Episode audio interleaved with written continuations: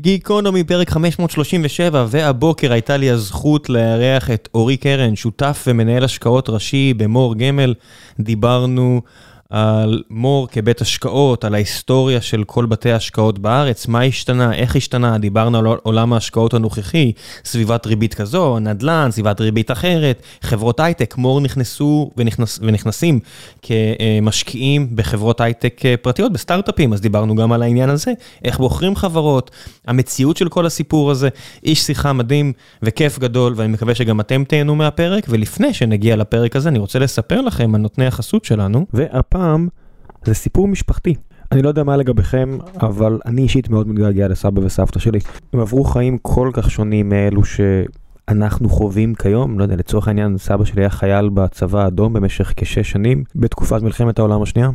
ורק ממש בשנה האחרונה לחייו הוא הסכים לספר קצת מה עבר עליו בחלק מהקרבות הגדולים ביותר בהיסטוריה של המין האנושי, קורסק ועד לברלין, וכל הסיפורים האלו חקוקים בזיכרון שלי ממה שהוא הסכים לספר, ואני קצת מצטער שאין לי את זה מוקלט כדי לחלוק את זה עם הבן שלי, ואולי אפילו עם הבן שלו, ועם כל מיני אנשים אחרים, ובדיוק לצורך הזה, החבר'ה של עושים היסטוריה, רן ודני וכל הצוות שלהם שאני כל כך אוהב ומעריך, וכשאני ודורון התחלנו את הפודקאסט הזה, פנינו בראש ובראשונה אליהם כדי לשמוע איך עושים ומה עושים, ורן היה אחד האורחים הראשונים שלנו. אז יש להם מיזם שנקרא סיפור משפחתי, ובו הם פוגשים את ה... אנשים במשפחה שלכם שעליהם אתם רוצים שיעשו תוכנית מיוחדת. אבא, אימא, סבא, סבתא, הם עושים תחקיר ראשוני ולאחר מכן תחקיר עומק ורעיונות ובסופו של דבר מרכיבים תוכנית אודיו ברמה הכי גבוהה, כמו שהחבר'ה האלה יודעים לעשות, ואם אתם מכירים את התוכניות שלהם אתם יודעים על איזה רמה אני מדבר, וישאירו לכם מזכרת לכל החיים וגם לאחר מכן. פשוט יופי של מתנה ויופי של טובה שתעשו לעצמכם ולדורות הבאים. אני אשאיר לכם את הפרטים של המיזם האדיר הזה בדף הפרק. כנסו, תסתכלו, תראו אם מתאים לכם, תבקשו להשאיר פרטים, דברו איתם, תגידו שהגעתם דרך גיקונומי שידעו שפרסום בפודקאסטים עובד, למרות שיש לי הרגשה שהם כבר די סגורים על זה. וזהו, עכשיו לגיקונומי, מקווה שתהנו.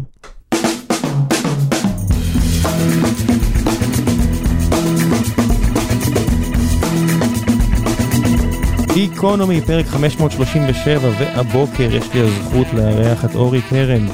אורי, נכון? נכון? אורי קרן. בוקר טוב. בוקר טוב. שותף ומנהל השקעות ראשי במור גמל. מור אה, מהקרנות, לא, מבתי השקעות שלא שמעתי עליהם עד לאחרונה, וממש בשנים האחרונות תפסתם פוזיציה מרכזית בשוק ההון הישראלי. כן, היינו, אני לא יכול להגיד היינו, כי אני הצטרפתי לפני שלוש שנים, אבל אה, הוא ככה היה מתחת לרדאר. התמקד בעיקר בפעילויות שפחות מגיעות ללקוח הסופי, ניהול תיקים, שזה כן, אבל פעילות קטנה, קרנות נאמנות, שבעיקר מי שמכיר את זה, זה יועצי השקעות בבנקים. ובעצם אה, בשנים האחרונות נכנסנו לפעילות של החיסכון ארוך טווח, ואז אה, התחיל להיות לזה הד, הולך וגדל. צעד כזה של להיכנס לחיסכון ארוך טווח, פנסיות, קרנות השתלמות, לא משנה מה. זה, זה עניין של להגיע לכמות כסף מסוימת שיש לך בצד, לסוג מסוים של אנשים, לאיך, איך עושים את המעבר הזה כבית השקעות? כבית השקעות מבחינה עסקית, כל מי שהתייעצנו איתו לפני יציאה לדרך, היה במובהק נגד. לא היה כמעט אחד שאמר רעיון טוב, זה הגיוני. איך, תספר לי קצת על השיקולים, trade-off ים, מה, מה אומרים לכם, מה אתם חושבים? תראה, אמ, היו פה שני, שתי מערכות שיקולים נפרדות, ש... שהיו במקביל. באותה תקופה אני לא הייתי במור, הייתי במקום אחר, הרבה מאוד שנים, וחיפשתי אתגר חדש. ובמקביל, מור היה בית השקעות שכבר uh, התבסס, הגיע להיקף נכסים מסוים, הנפיק בבורסה, וחיפש את הקפיצת מדרגה הבאה. העולם של החיסכון ארוך טווח בישראל באותה תקופת זמן, היה עולם של, שעבר M&A's מאוד משמעותיים, הרבה מיזוגים ורכישות, הרבה שחקנים נעלמו, שחקנים שלא הצליחו להגיע למסה קריטית נבלעו על ידי שחקנים יותר גדולים, ובעצם מעולם של נגיד 20 מתחרים, הוא הצטמצם לפחות או יותר עשרה. רובם מאוד גדולים. אז עצור שנייה, בוא נפתח סוגריים. למה בעצם יש את ה-M&A הזה, למה יש את ה-Consolidation הזה? נגיד אני, לא יודע מה, הייתי בזמנו באלמן אלדובי לפני שבע שנים, שש שנים, שהתחילה האפשרות אה, להצמיד ל-S&P 500, עליתי למעלה שם במגדל שלום, אני הייתי קומה שנייה, הם היו קומה לא יודע מה. חתמתי כמה מסמכים, והנה, הכסף צמוד ל-S&P 500, אני מניח שהם עושים עליי איזושהי תשואה קטנה, סולידית ונחמדה, כי הם לא צריכים לעשות יותר מדי שם. עסק טוב.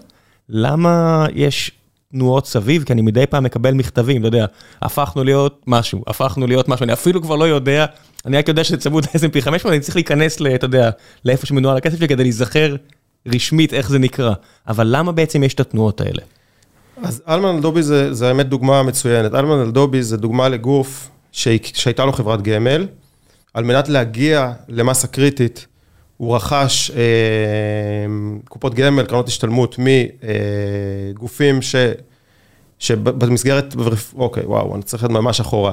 כן. אנחנו חוזרים לשנת 2004-2005 כזה, רפורמת בכר. לפני הרפורמה הזאת, הרבה מאוד כסף, רוב כספי החיסכון של הציבור נוהלו על ידי הבנקים.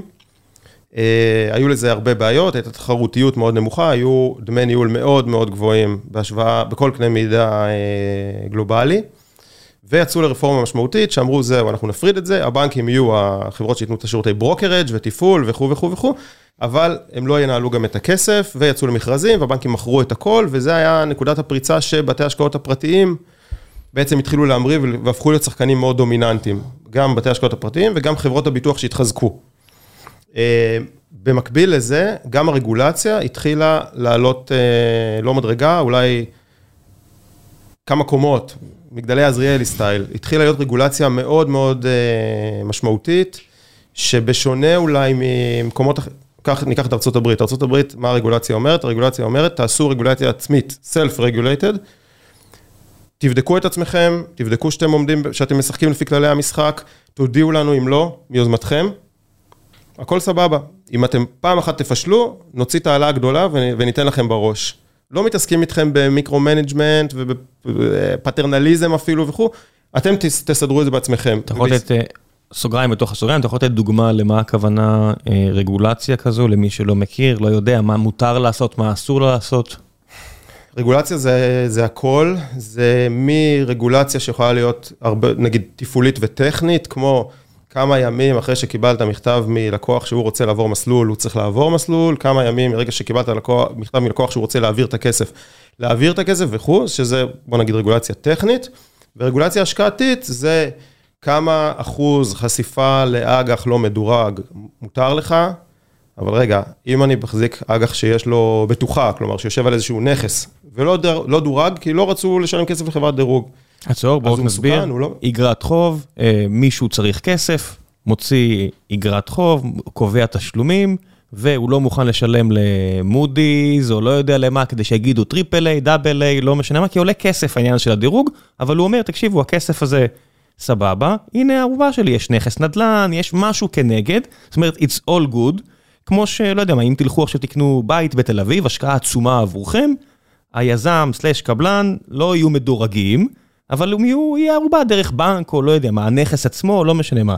אז פה מגיע הרגולטור ואומר, אתם לא יכולים להשקיע בזה, כי אין חברת דירוג שנתנה סקור. הוא יגיד, אתם יכולים, אבל עד מגדיר לכם... מסוים, אה, כן. ויש לזה, זה רק דוגמה אחת, יש המון, לפעמים הרגולציה היא במקום, לפעמים הרגולציה היא... אה,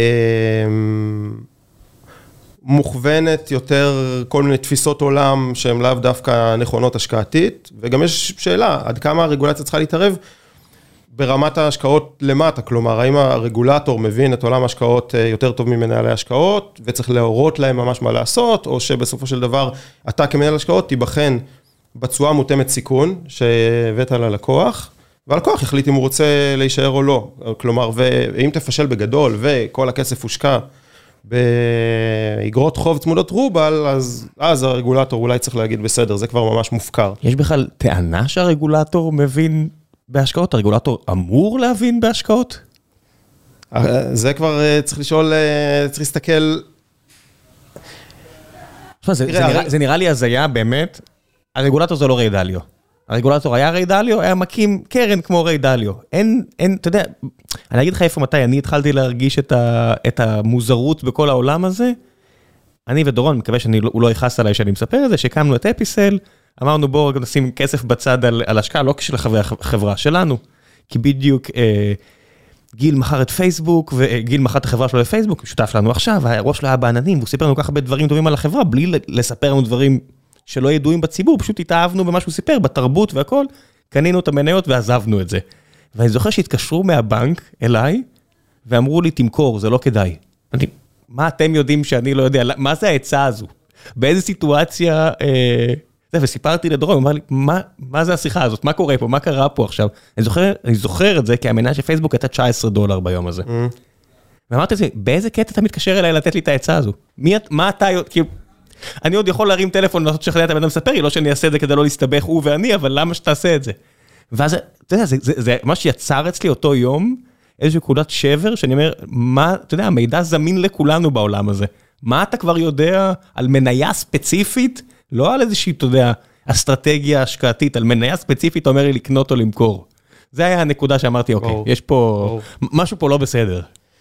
תשמע, קודם כל, אני צריך לשים את הכל גם בפרספקטיבה הנכונה, הרגולציה מאוד משתפרת, זה היה הרבה יותר גרוע לפני כמה שנים, אה, ויש אה, מגמה, אני חושב, שמובלת גם על ידי אה, השינויים בראש הפירמידה ברשות ניירות ערך, שהפכו להיות יותר פרו השקעות ופרו היכולות של מנהלי השקעות לעשות את העבודה, ואנחנו ננסה רק לשמור על כללי המשחק הסבירים. אותו דבר גם ברשות שוק ההון, זה, ש... זה הרגולטור של החיסכון ארוך טווח, אבל עדיין זה מאוד שונה מארצות הברית, הרגולציה פה היא הרבה יותר פרטנית ודקדקנית, ויוצאים כל הזמן חוזרים ו... ושינויים וכו' וכו' וכו', מאוד קשה, יש מחלקות משפטיות ענקיות רק כדי לעקוב אחרי השינויי הרגולציה שנעשים בדחיפות אה, די גבוהה. אה, מתייעצים איתכם? סליחה? מתייעצים איתכם? לפעמים, זה גם שינוי, לפני כמה שנים זה היה בום, זה מה שאנחנו חושבים, ו... ואתה יכול לקבל את זה או לא. או לאהוב את זה או לא. היום זה הרבה יותר, יש שיח ויש אה, שיחות איתם והם, אה, ויש התייעצות, ולכן המגמה היא טובה, ועדיין, חוזרים אחורה, הרגולציה בישראל היא מאוד מאוד מאוד אה, מסובכת. בגלל הסיבוכיות שלה, אז היה המפץ הגדול, הבנקים פירקו את הנכסים, הרבה כן. בתי השקעות קנו כל מיני רכיבים מזה, וקמו בתי השקעות נוספים, וזה גם היה שנים טובות, היציאה מ-2002, מהמשבר הגדול, והמשק מתחיל לפרוח וכך הלאה. ואז הרגולציה מתהדקת ומתהדקת, ובעצם, ודמי הניהול במגמת ירידה. כי יש תחרות. כי יש תחרות, ו... ובהמשך גם היה רגולציה גם על נושא דמי הניהול, שקבע אה, תקרה מסוימת, ואז בעצם נוצר מצב שאין מודל עסקי לכיף נכסים מתחת לרף מסוים. וזה המסה הקריטית שציינת. בדיוק. ואז אלמן אלדובי, בתור דוגמה, הוא התחיל כבית השקעות פרטי שאפילו רכש נכסים מבנקים והתחיל לנהל אותם.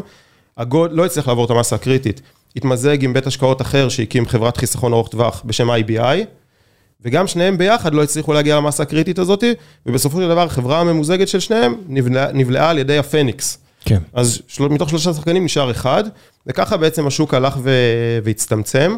וזה, ואתה יודע, מהצד, זה סוג של מתחרים שלכם והכל, אבל כשאתה מסתכל מהצד, אתה רואה שהקונסולידציה הזו באמת יצרה אה, פגיעה ב, בלקוח, אתה יודע, תיאורטית, יש 20 מתחרים, באמת כולם מתחרים על הכסף שלי, יורידו את ה... את דמי ניהול. אם יש קונסולידציה, הפחד, אתה יודע, של רשות לגבלים עסקיים וכל מיני, וניירות ערך, אני מניח הוא שהם, טוב, נעלה, כי אין להם תחרות. תחרות יש, והיא עדיין תחרות מאוד קשה, ועדיין דמי הניהול במגמת ירידה, גם אחרי הקונסולידציה. אני חושב שהפגיעה היותר גדולה היא, ב... היא דווקא בנושא, בנושא של ניהול ההשקעות. כלומר, זה מה שנפגע.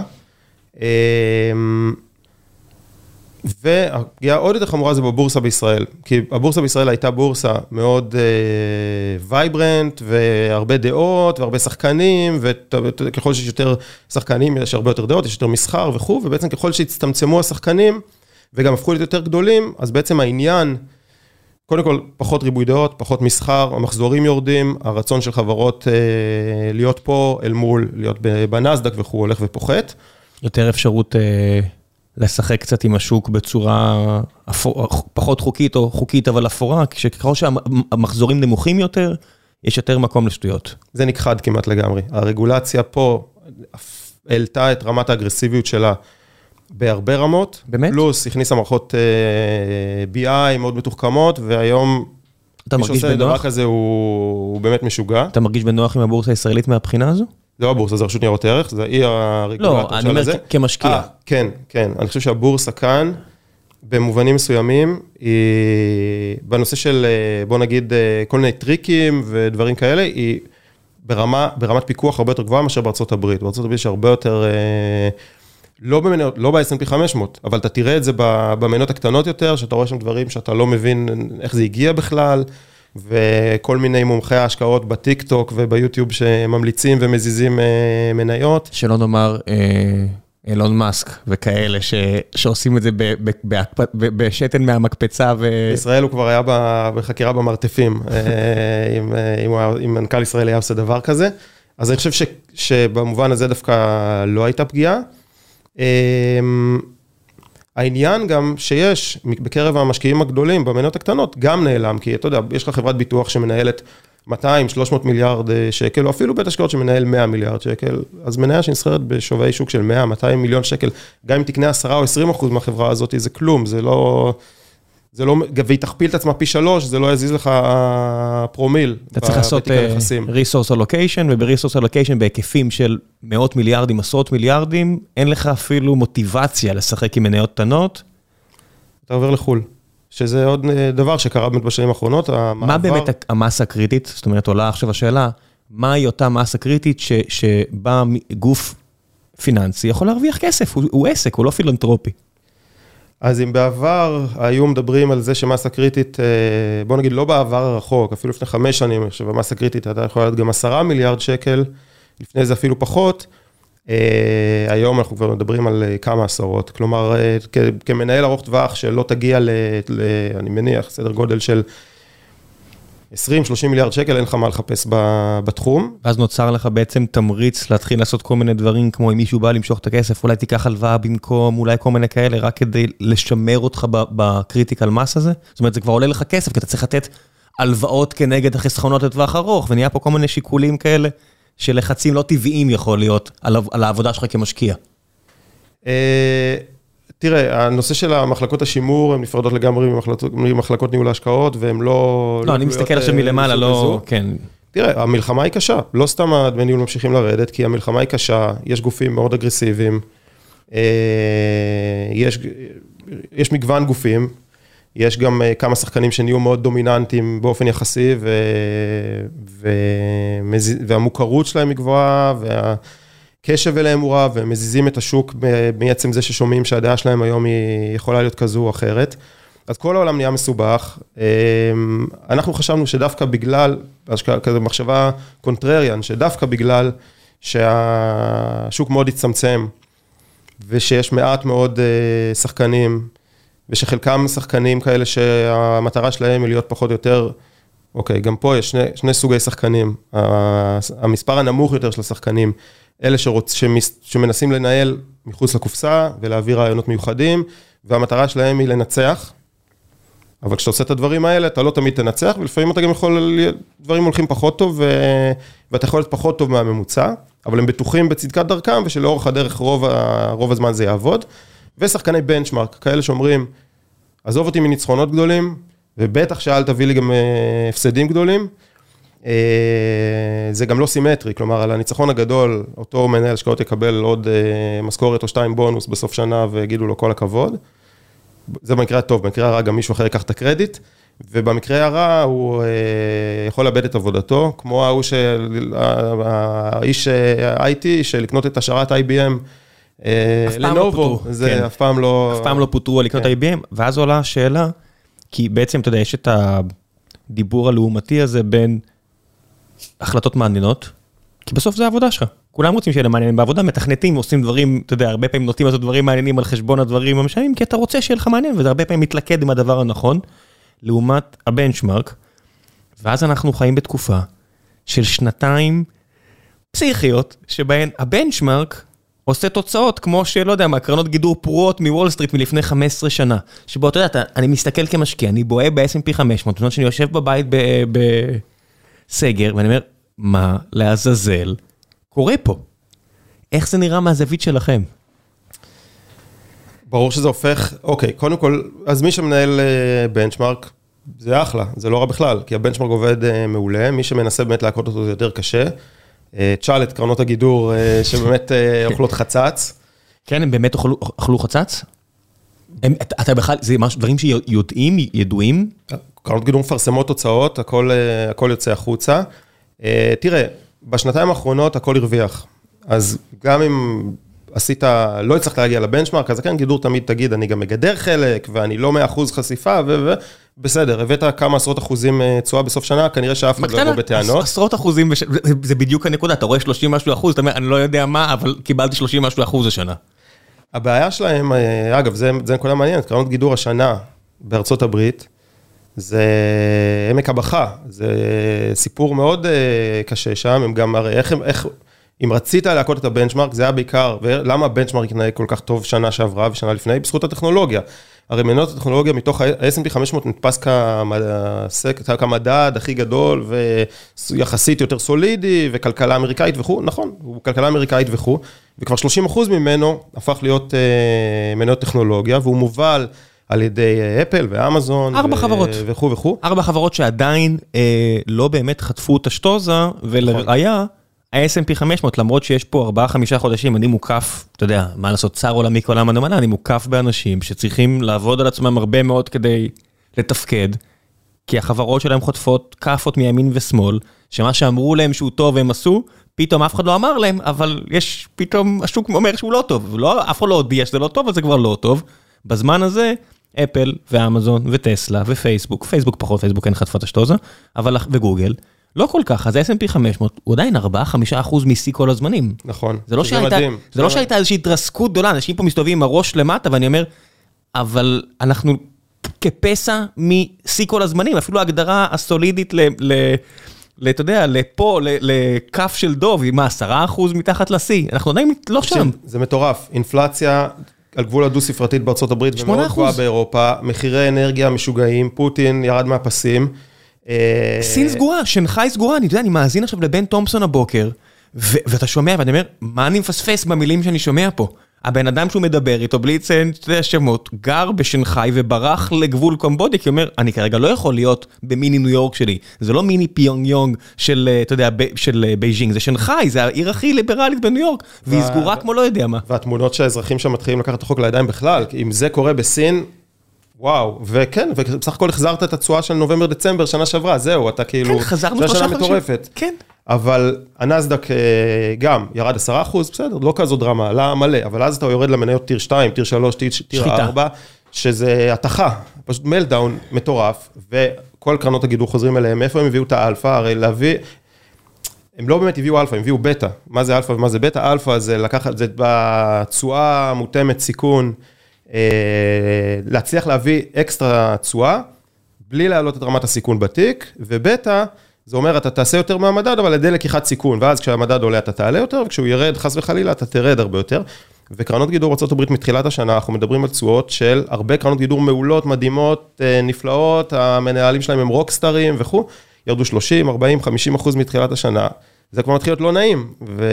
ואז הכסף מתחיל לצאת, ואז צריך לפרק את הפוזיציות האלה, וזה שופך עוד שמן למדורה הזו. והעולם הטכנולוגי מתגלה אחרי ששוב, כל כך הרבה מומחים בטוויטר, כל אחד מדבר על התיק שלו וכמה תשואות הוא עשה וכו', ופתאום... כולם מספרים רק כמה הם הרוויחו, כולם מספרים רק כמה הם הרוויחו. השנה פחות, השנה פחות.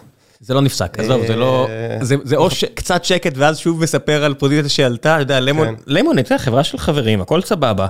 עשיתי 50 אחוז, אוקיי, החברה עדיין מינוס 85 אחוז, כן, בוא... זה הכל trade ים, זה אפילו לא investment, זה כבר כן. נהיה קפריזי כל כך ש... עזוב, לפחות תהיו בשקט, לא, לא הבעלים, אתה יודע, אנשים טובים, אני אומר, המשקיעים בהם. שמדברים עליהם בלי בכלל לדעת מה קורה בעסק, זה, זה כבר, זה כל כך קיצוני, אתם יכולים פשוט לשאול מה קורה בעסק ולפתח אסטרטגיה, משהו, כלום. אה, כן, אני חושב שהיום גם החברות בשוק הסחיר וגם החברות הפרטיות, כולן צריכות כבר להיות מוכנות עם תוכניות מגירה של אוקיי, ממשיכים בתוכנית שלנו as is עוד כמה רבעונים, אבל להיות מוכנים בכל מצב נתון, לשנות פאזה, להוריד קצת, לשלם קצת בהורדת קצב הצמיחה, אבל שיהיה לך תוכנית איך אתה מצליח לצמצם דרמטית את הברן רייט ולהגיע לסיטואציה שאו שהוא מאוד נמוך, או אפילו להגיע לאיזשהו אה, איזון, כי יכול להיות שתצטרך לממש את, ה, את הדבר הזה, זה לא... חס וחלילה רווחיות. חס וחלילה. לא, כי, כי אנשים, אתה יודע, חיו בתחושה של הכל טוב, אני תמיד יכול לגייס מתי שאני רוצה, כמה שאני רוצה. היה פה חברות, כמו פס, שעכשיו עלתה לכותרות, שהתנהלה עם ברן רייט של עשרה מיליון דולר, והיה לה בכל רגע נתון רק כמה חודשים קדימה, וזו חברה עם האלף פלוס, אלף צפון עובדים, בלי הכנסות בכלל. ו- וזה לא נתפס בעיניי, אתה יודע, המנכ"ל קם בבוקר ואומר, כן, יש לי עוד ארבעה חודשים כסף, אחרי זה אני פושט את הרגל והכל סבבה. אז זה, זה אבל, אוקיי, פה צריך גם לשים דברים בפרספקטיבה, והעיתונות הכלכלית בארץ אוהבת למצוא אה, אאוטליירים. מסעות צלב, כן. או למצוא אה, תיאוריות מסוימות, והם לא ייתנו למציאות לבלבל את, ה, את מה שקורה. אה, והדוגמה של פסט, אני חושב שהיא דוגמה קיצונית, כלומר, זו באמת חברה מאוד. ששרפה כסף בקצב מטורף, לא הצליחה לבנות הכנסות בכלל. המצב הטבעי הוא שאתה מצליח לבנות הכנסות ושורף הרבה כסף, ואז מצפה שהמודל העסקי לאורך זמן יסתדר. פלוס מנכ"ל שפתאום מגלים גם שבעבר שלו היו רשומות על שמו הרבה מאוד כישלונות מהדהדים על סף ה...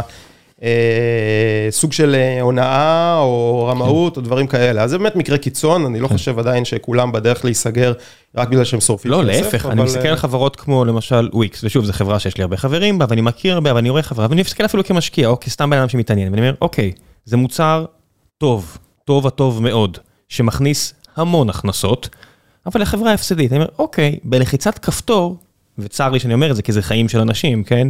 אבל הם יכולים לפטר אלף אנשים מחר. אלפיים אנשים מחר, והם יהיו רווחיים.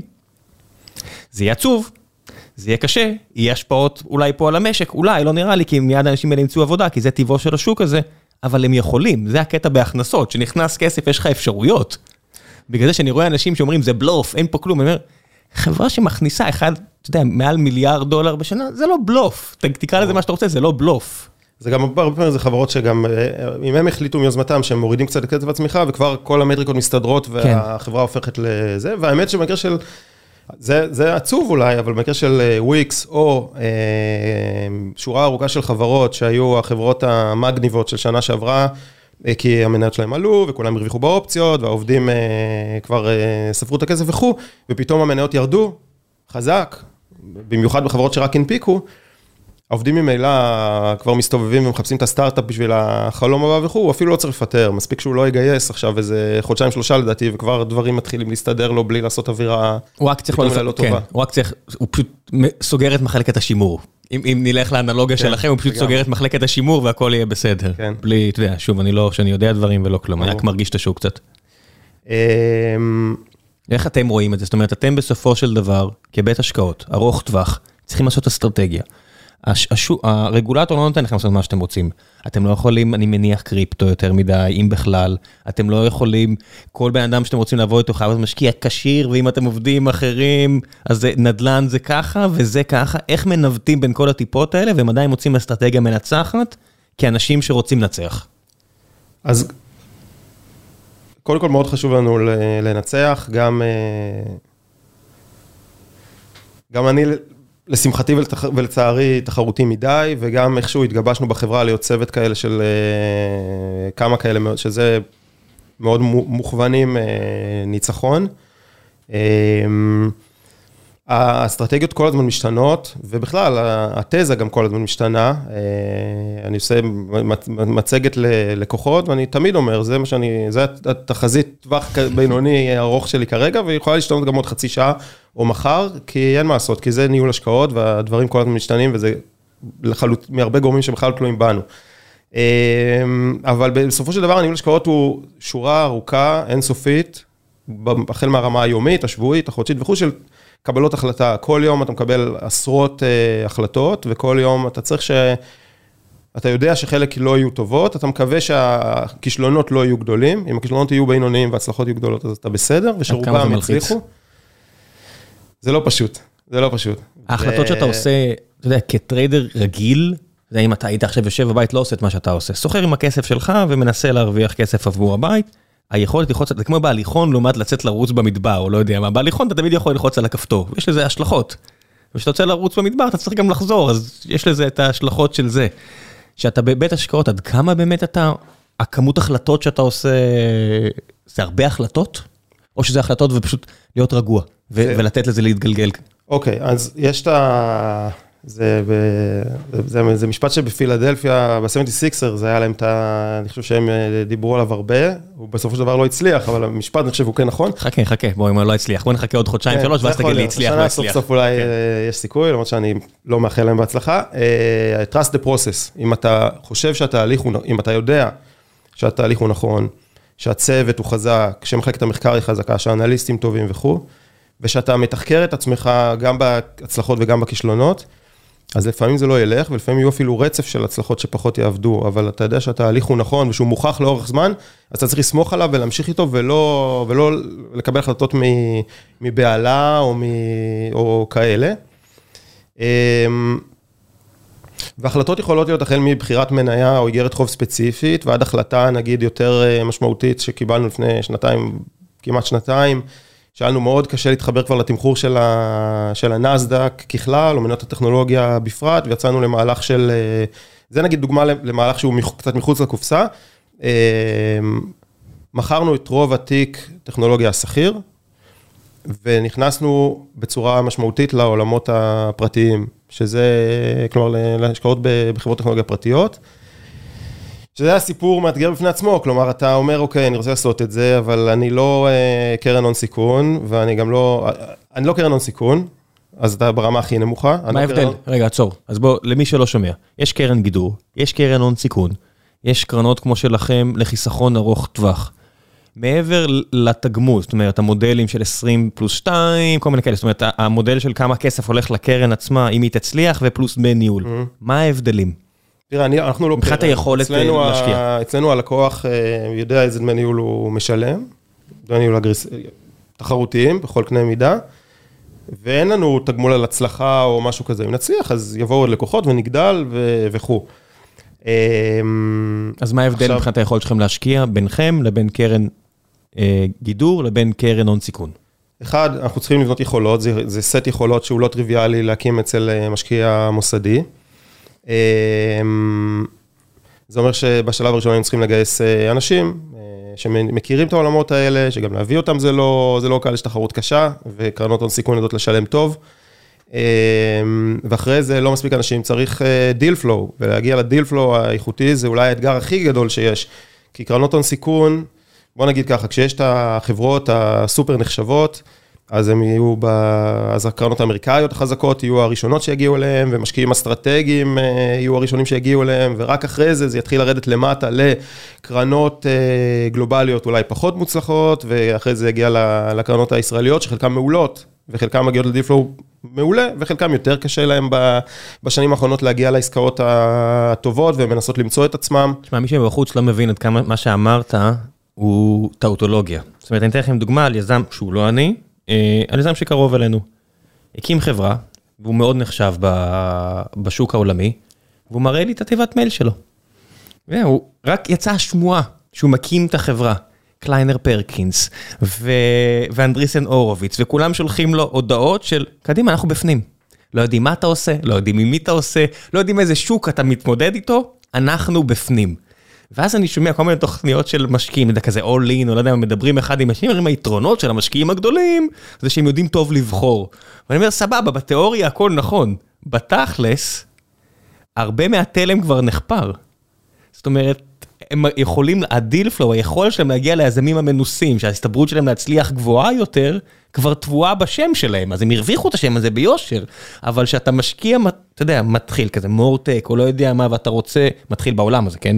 ואתה רוצה להגיע לעסקאות טובות, שאתה כאילו עשית את ההנחה, עשית את העבודה, עשית את המחקר, אני מאמין בחברה הזאת, זה לא רק תלוי בך כבר. זה, הע- הע- העולם מתהפך, יש הרבה יותר כסף מאשר יזמים טובים. אם תקבל מייל תשובה, או אם מישהו יענה לך לטלפון, אז כבר הצלחת, זה, ויש, ויותר גדול זה, יש סלקציה שלילית, כלומר, מי ש... זה ה... או ה-winners curse, מי שכן יבוא אליך ויגיד לך, אני רוצה, אז רגע, מה, מה, מה פספסתי? למה כל השאר אמרו לא? למה עד עכשיו כן. כולם אמרו לא? וזה, ואתה צריך להכיר את זה, וה... ואני חושב שהכי חשוב בכלל בניהול השקעות, זה, פה אני אקח אה, משפט שאני לא זוכר אם זה היה דיק צ'ייני, או מי, מישהו מהחבורה שלו, זה ה... שאתה לא יודע מה שאתה לא יודע, לדעת שיש דברים שאתה לא יודע ואתה לא יודע, אני חושב שזה הכי חשוב בניהול השקעות, ומרגע שאתה מתחיל להרגיש טוב עם עצמך, וכמה דברים הצליחו, וזה מתחיל לעלות לך וכו', זה, זה המקום הכי מסוכן בניהול השקעות, ההרגשה הזאת של אני יודע ו, וזהו. קיצור, גייסנו כמה חבר'ה, ראינו שזה לא מספיק, התחלנו לעבוד עם קרנות הון סיכון, גם ישראליות אבל לא רק, ו... ואז לפעמים הם צריכים, אה, יש להם כבר חברות שיוצאות לצבבי המשך, ולפעמים הקרן כבר, יש בה, היא כבר השקיעה יותר מדי בפוזיציה ספציפית, או שכרגע אין להם כסף פנוי להשקעות, אז הם צריכים להביא מישהו שישקיע איתם, כי יש להם אה, זכויות אה, השקעה באותה חברה. והם חייבים להביא את הכסף הזה, אחרת הם יאבדו את הזכות לסיבוב הבא. בדיוק, והם גם יכולים להרוויח עליו, כי הם יכולים לקחת עליו מודל של דמי הצלחה, כלומר, אם יביאו משקיע, יגידו, אני, בזכותך, בזכותי אתה נכנס ל... לא יודע מה, להיות פה, שהיום, היום, עזוב היום, אבל לפני כמה חודשים היה מאוד קשה להיכנס, אתה רוצה להיכנס סבבה, אבל 20% מהרווח תביא לי בבקשה. מאכערים מאחורי הקלעים.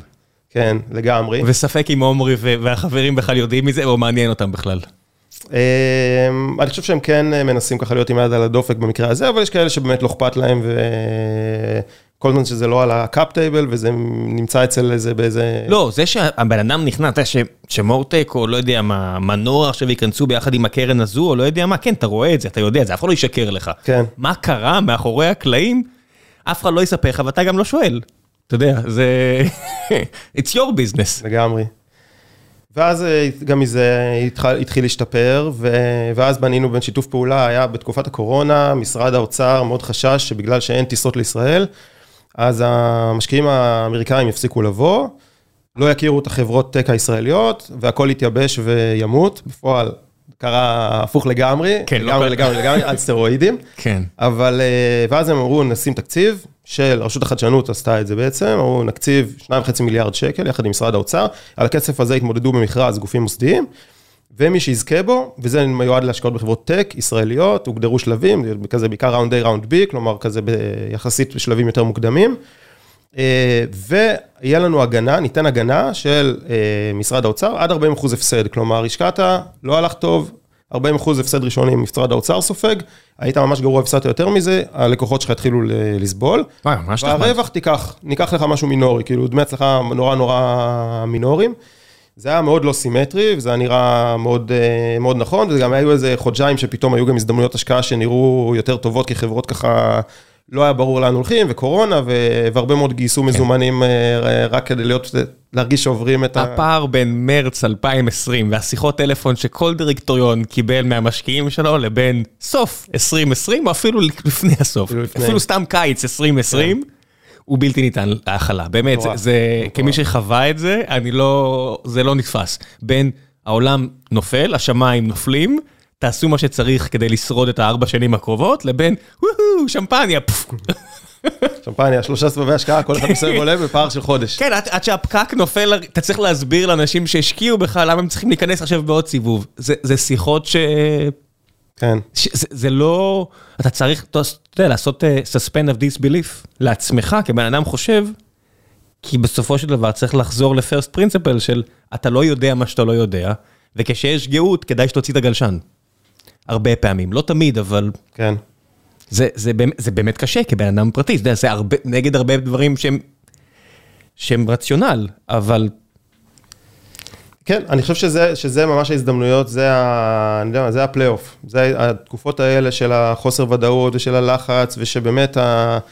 הדם זורם ברחובות, במרכאות, זו דוגמה מאוד גרועה להגיד בימים האלה, כן. אז אני חוזר בי, זו אנלוגיה לא טובה, אבל כשזה בשוק ההון יש את האמירה הזאת תמיד. שם באמת ההזדמנות לעשות את הכסף, ה... את הכסף הגדול, וכן, חמישה אחוז ירידה ב-S&P, זה לא אומר שבאמת אה, מגה משבר וכל ההזדמנויות אה, נפתחו, כלומר עכשיו אני לא חושב שזה, שאנחנו באיזו תקופה של הזדמנויות יוצאות דופן, אה, אבל אז בנינו שיתוף פעולה, רצינו לגשת למכרז הזה, בנינו שיתוף פעולה עם כמה, עם קבוצה בעצם של בכירים מאוד בשוק הטק הישראלי, חבר'ה, שמונה חבר'ה שכולם, עשו, ניהלו, עשו אקזיטים של חברות של מיליארד דולר ומעלה, מגוון תחומים, שבבים, storage, אה, אינטרנט, אה, הון סיכון שלבים מוקדמים וכו'. ובעצם בנינו ביחד איזה joint venture כזה, שאנחנו משקיעים לצידם, הם מביאים את ה deal flow דרך הקשרים שלהם והיכולות שלהם, רק מה שכל החבר'ה האלה, כל השמונה בעד, מגיע אלינו, ומה שאנחנו מאשרים, 85% מההשקעה אנחנו משקיעים עבור לקוחותינו.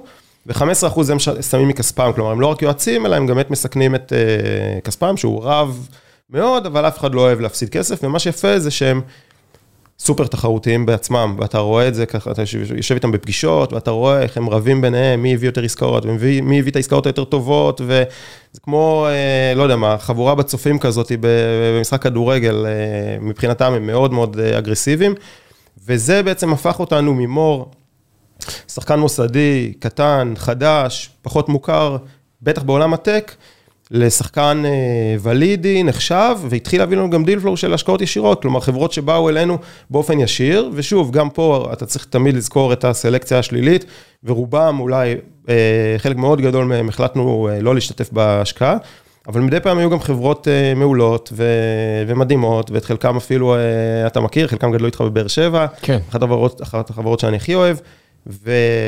באר שבע והסביבה. באר שבע והסביבה. באר שבע והסביבה, כן. אמ, זהו, אז זה, זה דוגמה אחת לאיזושהי קבלת החלטות. אגב, זה מאוד הוכיח את עצמו, המחשבה שלנו הייתה, באותו נקודת, באותה נקודת זמן השוק הפרטי נסחר בשווים, קחו חברה פרטית, תשוו אותה לחברה ציבורית מאוד דומות נגיד וכו', החברה הפרטית נסחרה בסדרי גודל יותר בזול ביחס לחברה הציבורית. אז המחשבה שלנו הייתה, ניכנס יותר לפרטיות, אם השוק ימשיך להיות טוב, אז חברות שאחרי זה יוכלו אה, לעשות אה, עוד סבבים ולהנפיק ונציף ערך. אה, השאיפה הייתה במכפלות, ואם השוק יהיה רע, לפחות נכנסנו יותר בזול, ואני מקווה שננזק פחות. אז בתקופה הטובה זה מאוד עבד בקטע של חברות שכבר באמת הבשילו וכו'. כרגע התיאוריה צריכה להיבחן גם בשוק יותר קשה.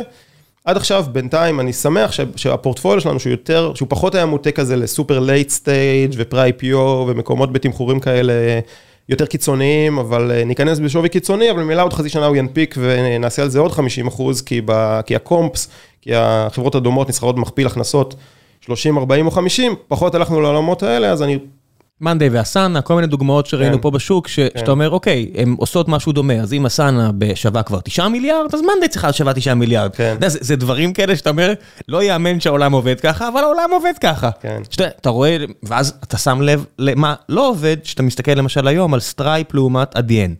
אנחנו כלקוחות של אדיאן, אני יודע כמה אני משלם להם, אני יודע מה אני מקבל.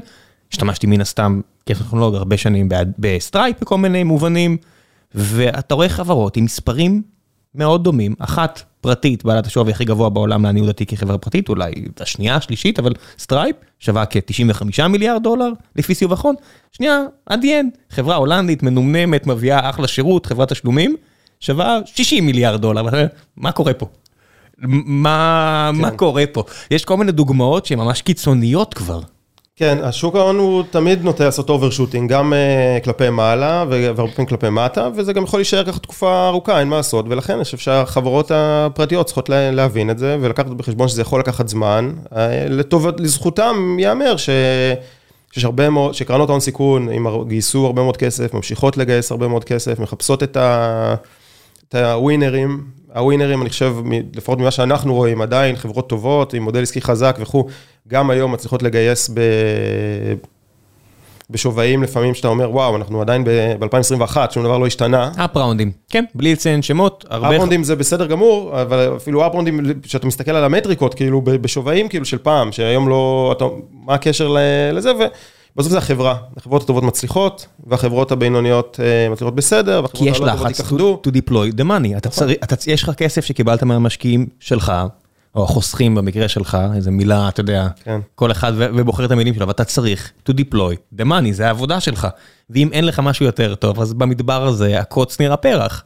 אבל זה פשוט יוצר עיוותים קצת. אז לשמחתי, לי יש... לא, לא שאני אומר שאתה יודע, כן, שהחברות, כן. ואנחנו לגמרי נכנסים לאנלוגיה הזו, כי אנחנו כן קיבלנו את ההשקעות ו yada yada yada, אני לא אומר שאנחנו קוץ, אבל בסופו של דבר אתה מתחרה מול אחרים בעולם הזה, אתה תמיד מתחרה מול מה שיש.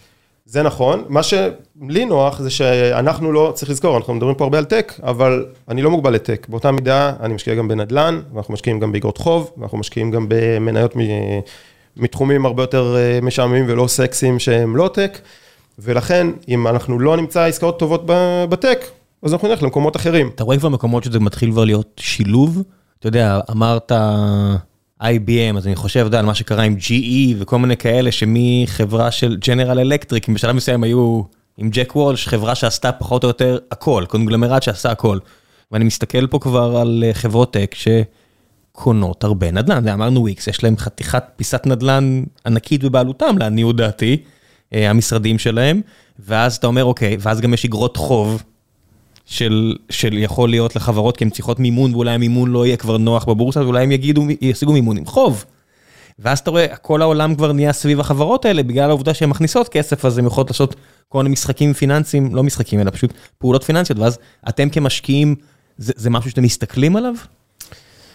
אה, אני חושב שבחברות טק זה פחות, פחות מאפיין אותם. אולי פחות ישראליות, אבל אני מניח שבארצות הברית, לגוגל יש המון נדל"ן, אני מניח.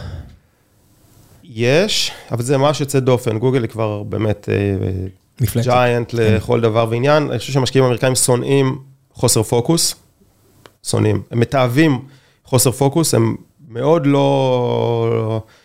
לא מתג... בסוף הכל זה השווי של החברה, ובסוף זה זה המנכ"לים, האופציות וכו', והם כולם רוצים להציף אה, ערך, ואני חושב ש... שחברות טק מאוד נמנעות מלעשות מהלכים שהם לא בליבה העסקית שלהם, כי הם ישלמו על זה מחיר בשווי. בשווי המניה. אז לכן אני לא חושב שלשם זה ילך. אה, אני חושב שזה כן הפוך הולך, שהרבה חברות מתחומים לא קשורים בכלל, אה, מפזרות קצת אה, AI ו-Machine Learning, כדי להגיד, יש לנו גם דברים כאלה, ולפחות פעם ציפו שזה יציף להם אה, ערך, ויהפוך אותם לחברה יותר סקסית, ואולי יעזור להם בגיוס עובדים וכו'. חברות נדל"ן שפתאום מספרות, שב... טוב, אני לא, אני לא מדבר על... אה, על WeWork וכאלה, אלא באמת, על חברות מנהלות נכסים, אה, לספר לך... JLL, חברה ענקית, נדל"ן אמריקאית, קנתה את סקייליין AI, שעשתה AI באמת, אתה יודע, אני מכיר את הצוות מקרוב, זה באמת חבר'ה top, top, top, top, והם לא שאבו אותם וקנו אותם בשביל להגיד, הנה, יש לנו AI, הם עושים כן, איתם. מן הסתם, אני לא יכול להגיד, אבל הנה, זה JLL, זה ענקית נדל"ן, והם לוקחים אותם, והם באמת רוצים את זה, זה פשוט קשה. כן. זה קשה, שאתה enterprise ענק, קשה לשנות את הדרך שלך. קשה לשנות את הדרך, וקשה לא להרוס את ה-DNA של החברה הנרכשת. כן, הם באמת מנסים, כן. לשמר את העובדי טק שבאו ליחידה מובחרת, לנצח את העולם, ופתאום מגלים שהם עובדים באיזה חברת נדל"ן ענקית, וזה אולי פחות מתחבר להם למה שהם אוהבים לעשות. זה לא קל, זה לא פשוט. אמ, זהו, איך אתם מסתכלים על אפשרויות של נדל"ן? זאת אומרת, כי, כי אתה יודע, כל השיחה הזאת עכשיו הייתה על טק, ואוי, איזה שגעת בטק, אבל אז אם אנחנו מסתכלים ימינה-שמאלה, מרץ 2020 חיפשנו משרד, אמרנו, טוב, אולי ניקח משרד. תל אביב, הנדל"ן אמור למות פה, כי כולם עובדים מהבית, אז אולי ניקח רק משרד כי זה יהיה בזול. מה אנחנו ידענו ששנה אחרי זה, אה, המחיר פה למטר רבוע בתל אביב לב- לנדל"ן מסחרי, להגיד שזה טרפת לא מתחיל לתאר את המילה. זה באמת, זה מרגיש לי כמו עיוות, אבל מצד שני זה שוק, זה supply and demand ואין supply, אז... ויש הרבה demand, אז מה אני אגיד? אז אני אסתום את הפה, אבל איך מסתכלים אפילו על נדל"ן בתקופה כל כך סוערת? זה גם, אה, זה נכון, היה פער מאוד גדול מ...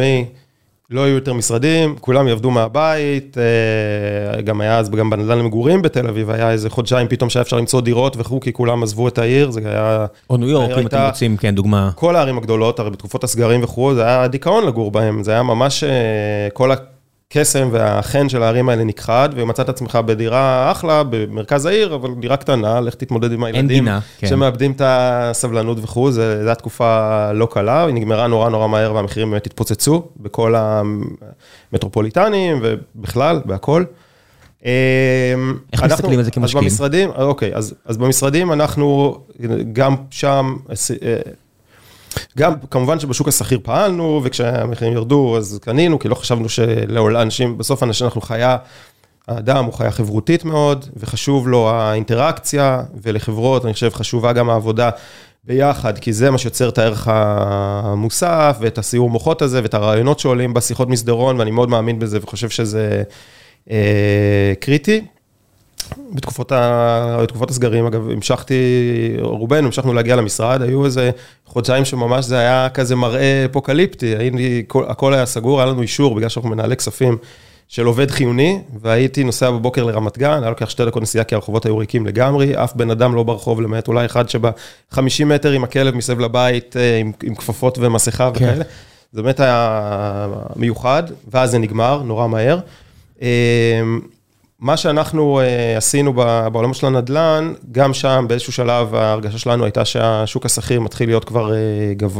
בתמחור לא זול. ניקח אפילו היום, בואו ניקח לדוגמה, uh, אם אתה רוצה חשיפה נדל"ן למגורים, למשל, כמשקיע, אז אתה יכול ללכת ל... או מה, מה, בארץ אין כמעט ריטים, יש ריט אחד של נדל"ן, יש שניים של נדל"ן למגורים, אבל אתה נגיד יזם, אז אתה תלך לאחד מיזמי הנדל"ן, חברות כמו, וזה לא המלצה וכו', אני רק נותן כדוגמה לחברות כאלה כמו אפריקה מגורים, או קנדה ישראל, או אני יודע מה, אורה, פרשקובסקי, חנן מור, כל החבורה, הזורים, כל החבורה הזאתי. ואתה יכול לקנות את המניות שלהם. הבעיה שהיום כולם מבינים שיש בעיה קשה בתחום הדיור למגורים בישראל, יש חוסר כרוני בדירות שנבנה כתוצאה מהזנחה או ממדיניות ממשלתית עקומה לאורך אה, שנים רבות מאוד מאוד מאוד מאוד, והחוסר דירות הזה הוא, הוא באמת ייקח לו הרבה שנים להיסגר, והדמוגרפיה פה היא חיובית, והאיכות החיים עולה, ורמת החיים עולה, והצמיחה במשק היא גבוהה. אז... אז למה מניות ולא למשל אגרות חוב? אתה יודע, בסוף יש יזמים, נגיד לא אלה שאתה אמרת, אלא נניח קטנים יותר, אני בכוונה לא אמנה שמות, כי זה בטח לא יהיה פייר לאלה שאני לא אמנה, שחבר'ה טובים. עושים את זה, לא יודע מה, 20, 30 שנה, תמ"אות באזור המרכז, מה שנראה כמו השקעה בטוחה, והם צריכים מימון. כדי לבנות 6 תמ"אות ולא 3 תמ"אות, אני יודע מה. אתם יכולים להשקיע בהם? אוקיי, אז רגע, בואו נעשה סדר. אחד, כן. בואו נתחיל עם הגדולים. עם הגדולים, אגרות החוב שלהם היום בתשואות מאוד מאוד נמוכות, ובעולם שבו האינפלציה הולכת ועולה, והריביות במגמת לא עלייה. שווה. באופן כללי היום אגרות חוב, הגישה שלנו היא להיות מאוד דיפנסיבית. אנחנו מאוד אוהבים את אגרות החוב היותר אה, סקסיות, עם הדירוגים יותר נמוכים, ולמצוא שם מציאות, אבל היום השוק הזה הוא מאוד מאוד הדוק וצפוף. המרווחים, פרמיית הסיכון שאתה מקבל, או התשואה העודפת בגין לקיחת סיכון בהשקעה בחברה קטנה, בחוב שלה, פרמיית הסיכון היא מאוד מאוד נמוכה. ולכן זה פחות מעניין. מניות, אם אתה קונה היום מניה של חברה קבל... יזמית ממוצעת, יזם דיור למגורים, אתה משלם בערך פי, בין פי 2 לפי 3, לפעמים יותר, על ההון העצמי. מה זה אומר? בואו בוא נדבר תכלס, זה אומר שהיום כשאתה קונה את החברה הזאת, אתה יוצא מנקודת הנחה, אתה מתמחר בתמחור המניה, שכל הפרויקטים שהיום נמצאים כבר בבנייה ועוד לא נמכרו לגמרי, יימכרו בשוויי דיור, דיור הנוכחיים ואולי אפילו יעלו קצת. כל הקרקעות שהם עוד אפילו לא התחילו בנייה ולפעמים אין להם עדיין היתרים, הפרויקט כבר נגמר, נגמר, הסתיים, נבנה, נמכר והכל פיקס. ובזמן, מה... ובזמן המובטח, כי כל שנה המובטח, יש, יש פיצוי. כן. ואתה גם יוצא מנקודת הנחה, אצל חלק מהיזמים היותר מוכשרים, השוק היום כבר נותן להם עוד פרמיה, פרמיית ייזום כזאת, שהוא אומר, לא רק זה, אני גם לוקח כבר בחשבון שהם עוד יקנו קרקעות, כי, כי אני סומך עליהם והם חבר'ה טובים, וגם אותם כבר הם מכרו והצליחו וכו', כלומר התמחור היום הוא לא זול בכלל, של יזמי הדיור למגורים. והוא לא לוקח בחשבון שום קטסטרופה שיכולה להגיע. לא. ייגמר החול, ייגמר הפלדה, יהיה בשטחים. מלחמה, סגר, אין פועלים, אסור לבנות כי נופלים טילים, אז נדחה בחצי שנה. אין ברזל, כי המפעלים הגדולים באוקראינה סגורים, וזה ספק אה, מאוד גדול של, הבני... של הפלדה למגורים ב... בישראל, ועכשיו צריך להביא מסין. של... שלא נאמר אה, משבר כלכלי גדול, ואז אם היזם הוא לא הקבלן, אז דברים כן. יכולים לקרות. כן, אגב, לדעתי האיום הכי גדול לשוק המגורים בישראל זה משבר חריף בהייטק. אני חושב שמשבר חריף בהייטק באופן כללי הוא האיום הכי גדול היום על הכלכלה הישראלית. נוגע בהמון תחומים, אחד מהם זה התחום של המגורים. אני לא חושב, זה לא, זה לא הנחת העבודה, אנחנו חושבים שהחברות ממומנות היטב, ויכולות להמשיך לממן, ויכול להיות שיהיו down round ים קצת, או, או סבבים באותו שווי, ויכול להיות שיהיה יותר קשה, אבל אנחנו לא חושבים שאנחנו נמצאים כן, פה על סיפור. תסתכל מה לא אמרת, תסתכל מה לא אמרת. אתה יודע מה לא אמרת? מה לא אמרתי? M&A. האפשרות היום, האפשרות היום ל-M&A שמייקרוסופט ו- וכל החברות שמנינו, שיש להם אין סוף כסף, יבואו ויגידו, הופה, יש פה עסק מגניב, אתה יודע, Adallom של עמי והחבר'ה, הייתה עסק של אקסלים ו- ופשוט אנשים מוכשרים, ומייקרוסופט הפכו את זה למפלצת של מזומנים, כל מי שהרים גבה, מה הם שילמו שם 300 מיליון דולר? הם היו צריכים jump start לדבר הזה, ו Microsoft ב security מדפיסים כסף. היום, עם כל מה שקורה עם הרגולטור האמריקאי, כאילו לא מדברים על זה, אבל השוק פה תמיד היה exit strategy. אם יהיה בעיה, אז נמכר. היום זה כבר לא אפשרות, אף אחד לא מדבר על זה, אני לא שמעתי באמת את ה... אף אחד, זה כאילו נעלם מהשטח. Mm. למרות שיש כל הזמן רכישות. אבל אתה כבר לא יכול לקחת את זה בחשבון, כי אתה לא יודע מה הרגולטור יגיד. אם אתה כן. מדבר על להיות רגולטור בארץ לעומת ארצות הברית, החברות האלה מתמודדות בעולם של המון אי ודאות. נכון. כל קנייה יכולה פתאום להתפוצץ להם בפנים. כן, אבל לדעתי, אני חושב שבאמת לא, לא זכרתי להגיד את זה, אבל אני חושב ש exit strategy זה גם כן משהו שאנחנו נראה הרבה יותר בשנים הקרובות, בהנחה שבאמת ימשיך שוק כזה קשה. כי לגוגל יהיה קשה מאוד היום להמשיך, יותר קשה, יותר מאתגר לקנות חברות, אבל ה Salesforce ים וחברות סייבר לא, אני חושב גדולות. שאני דווקא וכו'. מהמר על גוגל. כן. שמע, אני חושב שגוגל, יש פה חברות סייבר, בלי לציין Mm. שמות, אבל כל מיני חברות, נגיד שוק עכשיו של לאבטח, אה, לבדוק איפה יש מידע רגיש בארגון. שבע, שמונה חברות מתחרות עכשיו צצו בבת אחת, אחת מהן מן הסתם של חבר טוב של, של רון רייטר, אני יותר מאמין בהם מאשר מתחרים, מה לעשות, גם צוות מנצח, לא ילך להם, לעניות דעתי, גוגל יקנו אותם, כי זה פשוט עסק מדהים שגם משתלב טוב במה כן. שגוגל עושה. וגוגל רואה מה מייקרוסופט עושה מבחינת security. זה כאילו פייסבוק הרימה את היד ואמרה כל האש עליי ועכשיו כל השאר יכולות אה, קצת להשתולל, אבל אני לא יודע עד כמה זמן, זאת אומרת כמנהל השקעות זה באמת, זה, זה, זה משהו פתוח באסטרטגיה שהוא באמת לא ברור, אבל כשאני מסתכל פה, יש פה באמת הרבה חברות טובות שמכניסות נכון. כסף, וגם אם לא יכולות לעמוד על הרגליים, מישהו יהפוך אותן ליותר טובות. בגלל זה אני, אני חושב שה, שההסתברות למשבר אה, חריף אה, בטק היא נראית לי לפחות כרגע יחסית אה, נמוכה, אז חזרה לנדל"ן, אז, אז אם זה השווים של החברות והכל נורא אופטימי ו, וחיובי וכל הדברים הטובים כבר מגולמים בהם, אז אנחנו מעדיפים, גם פה זזנו קצת הצידה ואמרנו ניכנס לפרויקטים ישירות, כלומר במקום להשקיע בחברה, נבוא לאותן חברות שאנחנו מזהים כהכי טובות שיש, וניכנס איתם לפרויקטים ב ground floor, כלומר עכשיו הם יוצאים לפרויקט ב... אה, לא יודע מה, במרכזי הערים, בתל אביב או בירושלים או במקומות אחרים, נעשה את הבדיקות שלנו, נראה שהוא עומד ב benchmark תשואה מינימלי אחרי מס, שאנחנו חושבים שזה המקום הנכון לעמיתים שלנו.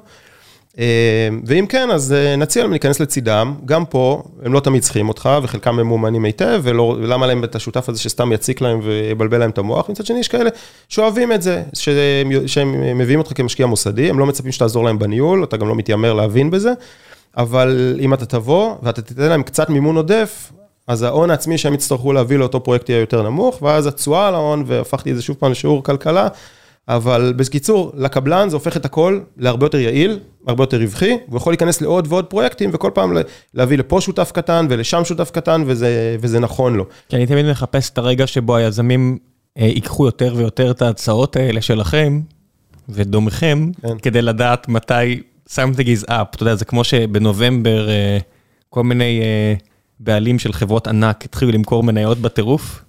חלק מהחברות שמנינו עכשיו, אתה יודע, כל הדברים כן. ציבוריים. אמרתי, אוקיי.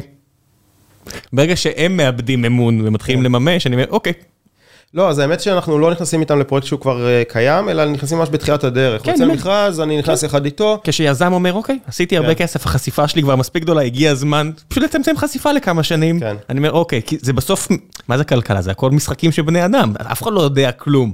אבל ש- כשמספיק יזמים או בעלים של חברות אומרים, הכל כן. טוב, אני יכול לתת לאנשים אחרים לאכול מהעוגה הזאת, אני אומר, אוקיי, אולי הוא מלא. כן, זה נכון, האמת שאתה מזכיר לי עוד משהו, שבאמת אם יהיה, אם יהיה משהו שיהפוך להיות יותר קשה בזמן הקרוב, אני חושב, זה יהיה הסבבי סקנדרי, אלה שראינו בטק, שהיו מאוד אה, נפוצים בשנה האחרונה, אני חושב שזה יתחיל להיות יותר קשה. הנושא של התמחור הנכון, של הקלאסים הנכונים של, ה, של המניות, והאם יש פריפר ואין פריפר וכו', יתחיל להיות יותר אה, סיגניפיקנטי. ו, וגם פה אולי יזמים צריכים, אם יש להם את ההזדמנות הזאת, צריכים להיות אולי טיפה מוטים גם באמת לנצל אותה, כי זה לא יהיה כל כך קל לעשות, אה, ככל שיהיה לא פשוט בטק, אז יהיה עוד יותר לא פשוט לעשות אה, סבבים כאלה של אה, לממש חלק מהפוזיציות שלהם. כן, אבל אני לא יודעת כמה זה באמת משמעותי למשק, זה באמת משמעותי. לא, לא, למשק זה לא יהיה דרמטי. לכמה עשרות עד מאות אנשים, כן, שמן הסתם, אתה יודע, זה דברים שגם עוברים לי בראש מן הסתם, כי אתה יודע, היה פה תקופה שהייתי מקבל הודעות בלינקדאין, מאנשים שיש להם את ג'ק מה על הכתף, כן. היי אחי, מוכר את המניות? מה?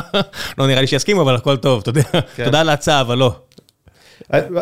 לא השפעה מז'ורית, אבל אני חושב שזה כן מאוד תרם לצמיחה במשק, זה מאוד תרם למחירי הדיור במרכזי הערים. הכל תרם, בסופו של אה, דבר. הכל, נכון. אתה יודע, אני- מסתכל בסוף, אוליגרכים רוסים שלא בהכרח יהודים אפילו, פתאום פה.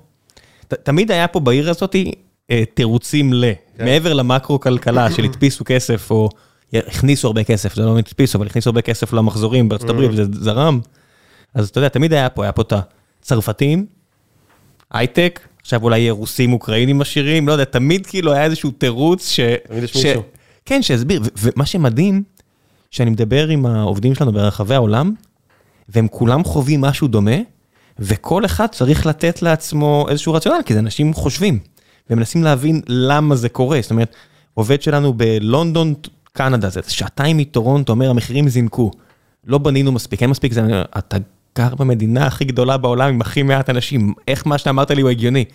אנחנו לא מצליחים, מהגרים מסין, לא יודע מה, אמרתי, אוקיי. ואז מישהו אחר, במרכז אנגליה, לא לונדון, מרכז אנגליה, למעלה, mm-hmm. מסביר לי משהו אחר, נותן לי תירוץ. ואז מישהו אחר מאוסטרליה, ואתה רואה שבכל מקום כזה מג'ורי, המחירים זינקו, ובכל מקום יש דינמיקה של אנשים מנסים לתת הסברים, העיתונות מתלבשת על משהו ומאשימה משהו, לחץ על הרגולטורים, במקום לקחת, אתה יודע, צעד אחור שאני עושה מדי, ואני אומר, אוקיי, תדפיסו מלא כסף, זה צריך ללכת לאנשהו. כן, תדפיסו כסף, הריבית הייתה נמוכה, לא היה מה לעשות איתו, הרי בסופו של דבר זה, זה הכל מתחיל מהריבית, זה הכל מתחיל מזה שאנשים שפעם היו משקיעים בפקדונות, אז לא מקבלים כלום על הפקדונות. אז במקרה מסוים אפילו מפסידים כסף באירופה להחזיק כן. בפיקדון, אוקיי, אז נלך לאג"ח סולידי, לאגרת חוב ממשלתית, אז התשואות ירדו לאפס ולפעמים לשלילית, אה, אז נלך לאגרות חוב של חברות, אז גם שם, מה שדיברנו קודם, פרמיית הסיכון הצטמצמה מאוד, אתה כבר לא עושה כלום. אגב, באירופה זה הגיע כבר למצב, בגלל שהבנק המרכזי היה שם מאוד אגרסיבי בקניות אגרות חוב, אה, ורצה לעודד, פעם היה באירופה יותר מ-15 שנה בעצם, שניסו לעודד אינפלציה, שהחשש הכי גדול שלהם היה מאינפלציה שלילית, והם פחדו שזה לעולם כבר לא תהיה אינפלציה באירופה וכו', איפה זה ואיפה היום. והבנק המרכזי קנה שם כמעט כל איגרת חוב עד דירוג, אם אני זוכר נכון, triple B, סליחה, double B ומעלה, הוא, לקח פרופורציות כל כך גדולות מהסדרות, שהוא הפך, שהוא ייבש את השוק לגמרי, עיוות אותו לחלוטין, וגם איגרות חוב בדירוג נמוך נסחרו כבר בצורה שלילית. באירופה. שלילית. עד לפני שנה. שלילית. תחשבו על מה זה אומר, שאתם מקבלים תשואה שלילית על ההשקעה שלכם, מבחירה, לא כטעות של מישהו. אז גם לזה היה הסבר, אז אמרו, אוקיי, למה אנחנו עושים את זה? כי גם אם יהיה, מה, מה היה התסריט הגרוע בזמנו באירופה, שהבנק המרכזי נהיה נורא אגרסיבי, של פירוק גוש היורו, שעם היוונים והאירים והעצלנים וכל הסיפורים האלה. היוונים, דרך אגב, החזירו את כל החוב שלהם האחרון, שימו לב. עד הסרט האחרון, כן. שימו לב. דברים מטורפים קורים בעולם, ופשוט יש יותר מדי, קשה לעקוב. כן, והפכה להיות שוק נדל"ני סופר חם בקרב המשקיעים הישראלים, אבל כן. בכל מקרה, אה, אז אמרו, אוקיי, אז אני אקנה את האגרות החוב של ממשלת וחברות גרמניות, כי אם יהיה פירוק והם יחזרו למרק הגרמני, הוא יעלה ערך בצורה כל כך משמעותית, ואני על זה אני אעשה כאילו את הכסף. הדרחמה תתרסק, המרק יעלה, אם אין אה, גוש יורו, ואז רגע, אני אשקיע בחברות גרמניות. היה איזה תזה כזאת. רגע, תסביר לי את התזה הזאת. אם קניתי איגרת חוב שהייתה באירו, וגוש היורו מתפרק וכל אחד חוזר למטבע שלו. רגע, ויש לי תשואה של 99.95 על הכסף שלי, זאת אומרת, איבדתי כסף בתום התקופה הזאת, בתיאוריה, למה שזה יהיה לי טוב? כי אם פתאום זה הופך להיות מצמוד יורו לצמוד מרק, והמרק יעלה, אז עשית רווח על המטבע. אבל... אה, כי, כי, כזה... כי בהינתן שאם זה קורה, זה, אני לא אספיק ללחוץ על הכפתור וללחוץ, לקנות את המרקים? מה, מה היתרון מזה שקניתי מבעוד מועד? כחברה גרמנית, אתה לא תצטרך לקנות את המרקים, אתה תקבל אוטומטית אה, משהו שהוא צמוד אה, נכס כזה, שהוא יהיה נכס נורא נדרש. זה, זה, זה הגיוני עבורכם שאתם צריכים לקנות עבורכם? לא, אנחנו לא... לא, לא עבורכם כן. מור, אני אומר באופן כללי, עבור מי שיש לו המון כסף לנהל. רק לא לאבד, לפחות לא לאבד ערך. ואתה לא יכול ללחוץ על הכפתור, לקנות כל כך הרבה, אם משהו קורה, אז אתה, אתה מכין את הפוזיציה מראש. לא רק זה, אתה, זה לא רק לקנות כל כך הרבה, כי ביום שכבר יודיעו את זה, זה כבר יהיה, המרק כבר יהיה במקום אחר. כלומר, זה, כן. זה מבטח אותך מפני תרחיש של uh, התפרקות. מה שמדהים זה שדברים קרו, אתה יודע, אנשים אומרים, איך יכול להיות, איך זה ייראה, אתה מסתכל על יפן, שטוקיו נראתה כמו תל אביב בשנות ה-80, עם מחירים, אתה יודע, שפיסה בקיוטו הייתה שווה כמו כל קליפורניה, איזה, אתה יודע, יש כל מיני, שהארמון בקיוטו שווה כמו כל אה, mm. לוס אנג'לס, או איזושהי כן. השוואה מטופשת אחרת כזו, והמחירים פשוט כל כך התקבעו שם 40 שנה, שאין עליות מחירים. מחירים ביפן לא עולים, זה, זה משהו שהוא נהיה, אנשים נולדו לזה. זה כמו שפה אומרים, אתה יודע, יש אנשים שנולדו לתוך בנימין נתניהו ולא יודעים ראש ממשלה אחר, ביפן נולדו לתרבות שהמחירים קבועים, לא עולים.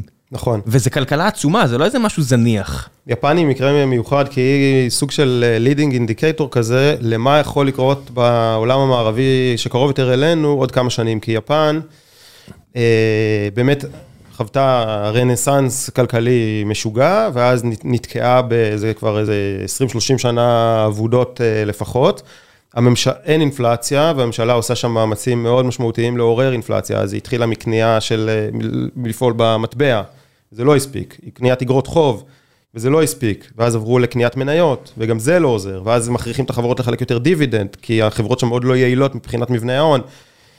בקיצור, ביפן זה סיפור, ומה שעוד יותר גרוע, זה שאומרים, אוקיי, בינתיים, בגלל שהממשלה שם כל כך פעילה בכלכלה, יחס החוב תוצר ביפן כמה החוב ביחס לכמה התוצר. זה 260? הוא יותר גבוה לדעתי, אם אני זוכר זה כבר, נכון, זה כבר מעל 300, כלומר זה משהו מפלצתי, זה הרבה יותר גרוע מיוון בימים הכי גרועים שלה וכו', והתשואה של איגרת חוב היא נורא נמוכה, אז איך זה יכול להיות? אז רוב איגרות החוב ביפן מוחזקות על ידי אזרחי יפן, דרך משקיעים מוסדיים וכו' שקונים את זה, אין כמעט זרים. כמו ארצות הברית, גם ארצות הברית, 26 טריליון דולר חוב, זה לא ש... אתה יודע, שאומרים, הסינים מחזיקים את החוב, הם מחזיקים טריליון, טריליון וחצי. רוב הכסף נמצא בכיסים של אזרחים, שהיו צריכים תשואה להון שלהם. נכון, אבל מה המיוחד ביפן, וזה הדבר המעניין, שיפן הופכת ממש בימים האלה, בשנים האלה, מ net saver, אומה מאוד ממושמעת וחסכונית וכו', בגלל דמוגרפיה שם שהיא שלילית, היא הופכת להיות נט ספנדר. הדור הצעיר הוא מאוד מאוד קטן ביחס שלו לאוכלוסייה, הדור העובד הולך ומתבגר ויוצא לפנסיה, ואז פתאום אתה נמצא בדינמיקה שחברות הביטוח או מנהלי הכספים הגדולים כל הזמן ראו חסכונות כי אנשים צברו כסף וכו', עכשיו הם מתחילים להוציא את הכסף הזה כי זהו, הם פורשים ו... ונמצאים בפנסיה. ואז אוקיי, אז מי יקנה עכשיו את אגרות החוב, ומה, ואיך השוק יתנהג וכו', וזה מעניין כי... כי הרבה אומרים, עד מתי ארה"ב תוכל להדפיס כסף? עד מתי? אחד, עוד מלא זמן, כל זמן שיש אמונה במטבע. כל עוד הדולר הוא הרזרב קרנסי של העולם. נכון. הכל, אתה יודע, זה מדהים, אבל לאורך השנים, פעם הגילדן או החילדן היה הרזרב קרנסי, וההולנדים השתגעו, ואז הפאונד, והבריטים השתגעו. זאת אומרת, ניהלו מלחמות, כן. ניהלו מלחמה נגד נפוליאון וסבסדו את כל אירופה רק כדי שיילחמו בנפוליאון, זה דברים שקרו. והיום הדולר משוגע, אז הם מרשים לעצמם לעשות הרבה מאוד דברים. כי כולם מחזירים חובות בדולרים, מה לעשות? כן. עד שהיואן יהיה, ואז נראה את אותו דבר שם, אני מניח. אני יודע, אני חושב שהסיפור עם סין הופכת להיות הדבר הבא, הוא קצת...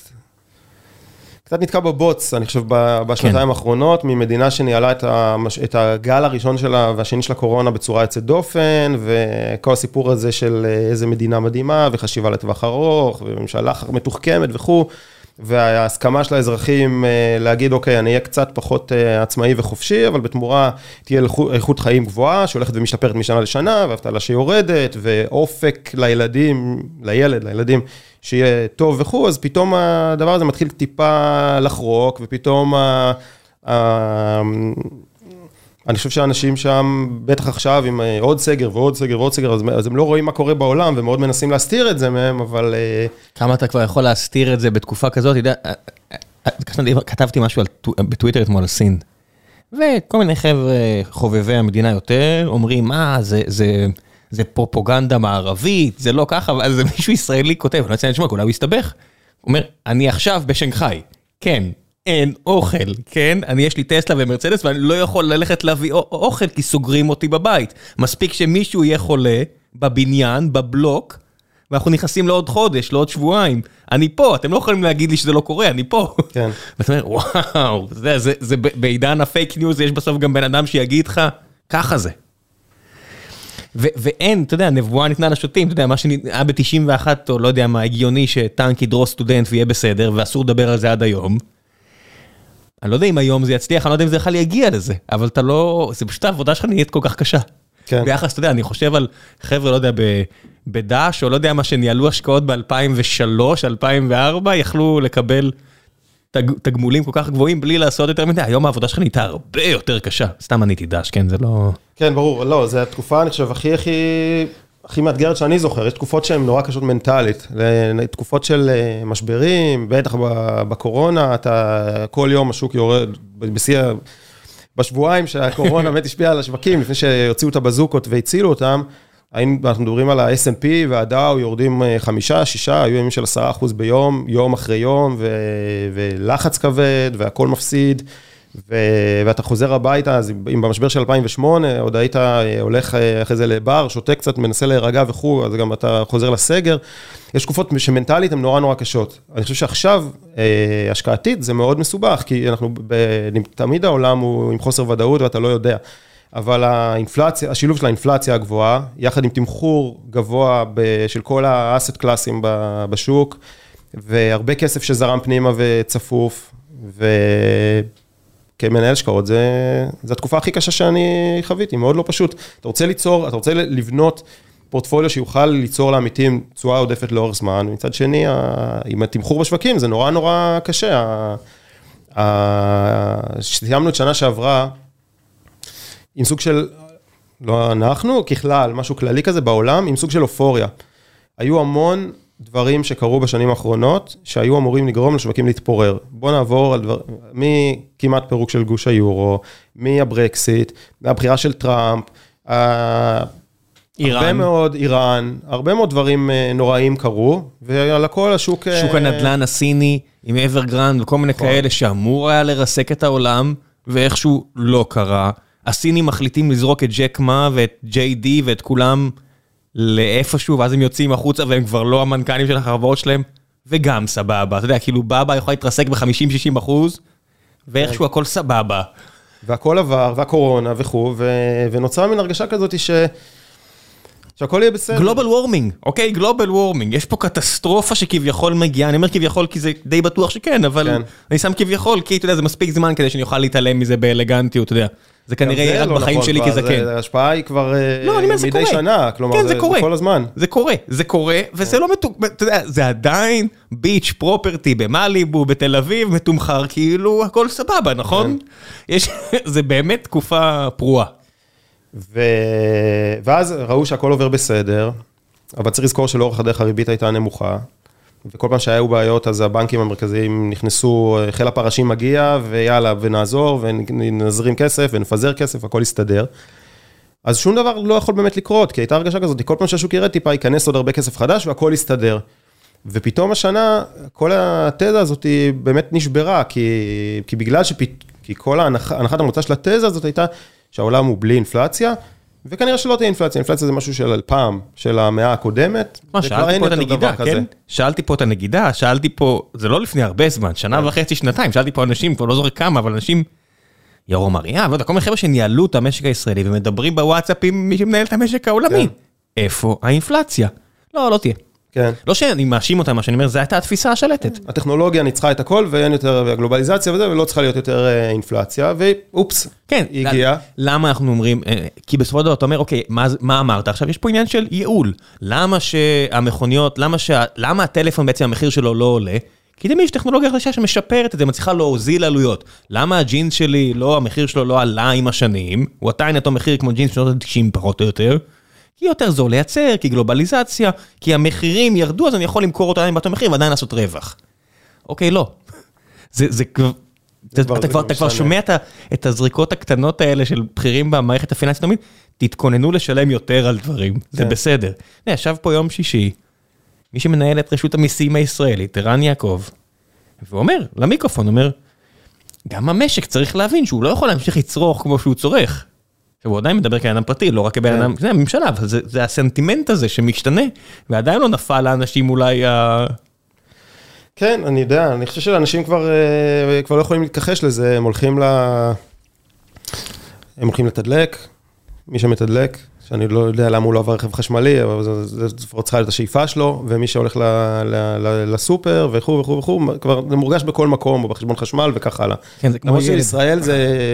אגב, אנחנו כל הזמן חווינו מגה אינפלציה, רק שזה היה אינפלציה אה, של נכסים ולא אינפלציה של מחירים, כלומר, היה- אני אגיד לך, זה בגלל שאנחנו בתוך הסיר של המים הרותחים. מגיע עכשיו חבר, שהוא כבר הרבה שנים, הוא עכשיו מגיע ארצה, אבל הרבה שנים הוא לא בארץ, והוא אמר לי, אה, הוא אומר, דבר ראשון שאני עושה, אני הולך לאכול שווארמה. אמרתי לו, אתה יודע מה? נפל לי האסימון, אתה הולך, אה, לפני שאתה הולך לכתוב לי, אני יושב את זה בקבוצה של כולם, אני אומר, אתה הולך להיות בשוק. אומר לי, מה הכוונה? אני, מה, זה לא 28 שקלים? אמרתי לו, לא. אין, אתה לא תמצא שווארמה בפחות מ-50 שקלים היום כמעט.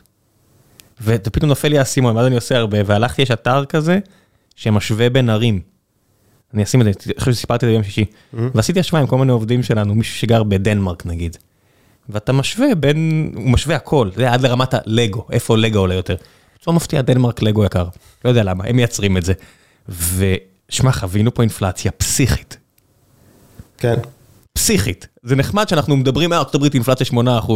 לא, חווינו פה אינפלציה משוגעת. לא, האינפלציה היא לגמרי לא באה לידי ביטוי במדד המחירים לצרכן, הוא לא, לא משקף לחלוטין כבר שנים את כן. זה שהמחירים פה מתייקרים, אבל זה, אבל זה ימשיך, ופתאום גם במדד המחירים הרשמי רואים את זה, ולכן הסיפור הזה של אוקיי, נשמור על הריבית, הבוסים הגדולים ישמרו על הריבית נמוכה ויעזרו אם השווקים ירדו, נגמר. הבו- הבוסים הגדולים עכשיו, הבנקים המרכזיים, הפד וכו', רוצים להעלות את הריבית, רוצים להדביר את האינפלציה, אמ, ולא יהיה מי שיעזור לנו, ואנחנו בעצם משנת 2000 נמצאים במגה סייקל, עם הפסקות קטנות בדרך, במשברים, של ריביות יורדות. עם הריביות בשנות ה-90 וה-80 וכו' בעולם, הריבית הממוצעת הייתה, אני יודע, 5-6 אחוז. עזוב, 2002, נכנסתי לצבא, שמתי כסף, קיבלתי 2005, 35 אחוז. נכון, אבל זה היה קיצוני כי ישראל הייתה במשבר, ולכן הריבית הייתה נורא נורא גבוהה. נסתכל על ארה"ב נגיד, אז הריבית מאזור ממוצע, לא יודע, 5 אחוז, ירד, ירד, ירד, ירד, ירד, ואנחנו כבר כמה שנים טובות, הרבה שנים טובות עם ריבית שקרובה לאפס, ולפעמים אה, על האפס או קצת מתחת בחלק מהמקומות. ואין, וזה מאוד עזר לשווקים, וזה מאוד עזר לשווקים, לשווקים לתפקד טוב, והמעורבות של הבנקים כל פעם שהיו בעיות והם נחלצו לעזור מאוד עזרה, ונגמר סיפור, בעולם של אינפלציה גבוהה שצריך לעצור אותה, אין יותר ריבית אפס, הריבית הולכת ועולה, אין יותר מעורבות של הבנקים, וזה איזשהו משהו שאני חושב שהשוק, שכמו שאמרנו קודם, בישראל אגב הוא סביב רמות השיא, אנחנו בצורה חיובית מתחילת השנה, בארה"ב ירדנו רק חמישה אחוז, אני חושב שזה משהו שהשווקים לא לגמרי עיכלו.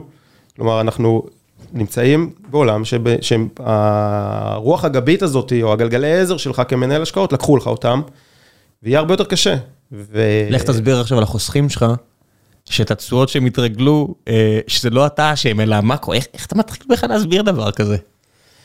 אה, אני לא, אני, כן. אתה יודע, כרגע לפחות עוד לא צריך להסביר, רק התחלנו, אבל אה, צריך, צריך להבין את זה, ברור, הרווח, הרווחים הגדולים של השנתיים האחרונות, או הרווחים הממוצעים הגבוהים של ה-10-20 שנה האחרונות, הקדמנו תשואות, כלומר, כי, כי, כי קיבלנו תשואה עודפת על חשבון העתיד, ועכשיו יהיה תקופה פחות טובה ויותר קשה. האם זה אומר שצריך למכור הכל ולברוח? לא, כי עדיין...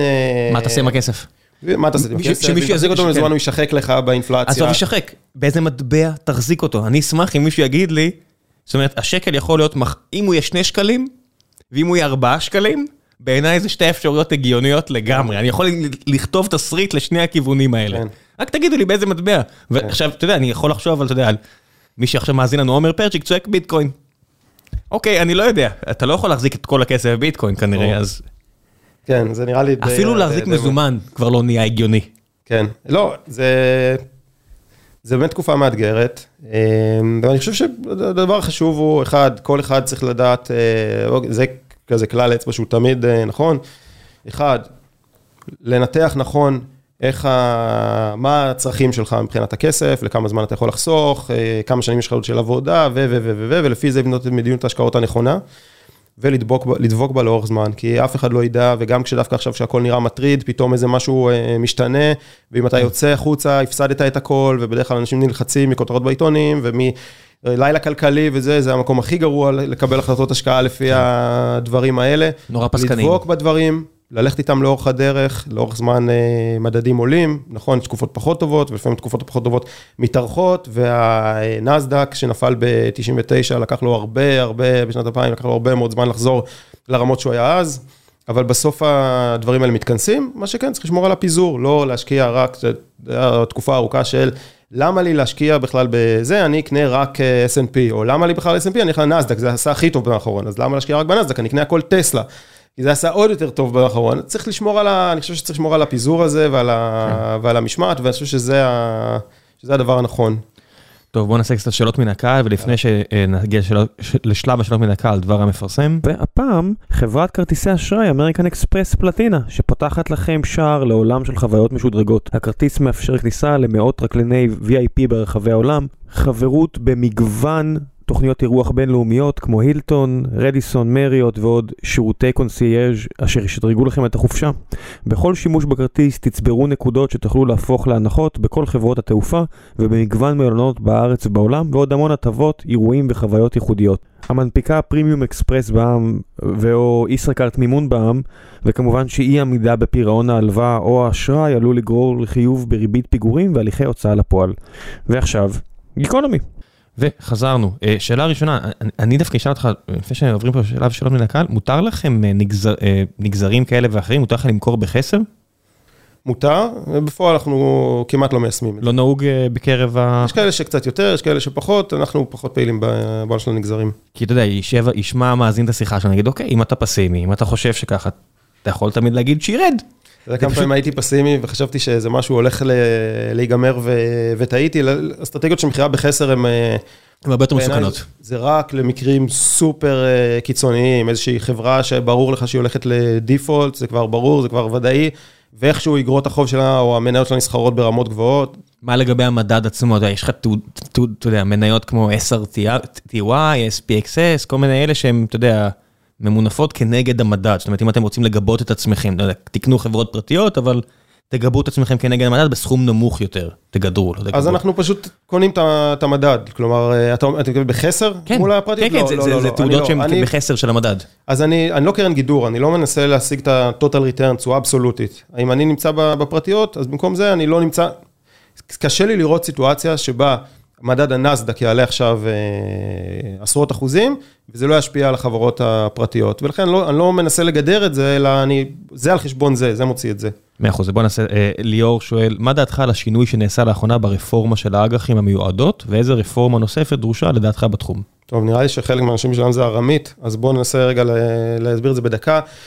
בישראל, משהו שכבר היה קיים הרבה מאוד שנים, אה, עשרות שנים, היו לחוסכים בפנסיה, המדינה הייתה מקצה להם כל שנה אחוז מסוים מהתיק, אגרות חוב מיועדות. זה אגרות חוב בעצם בתשואה של, אה, אני זוכר נכון, חמישה אחוז צמוד או משהו כזה.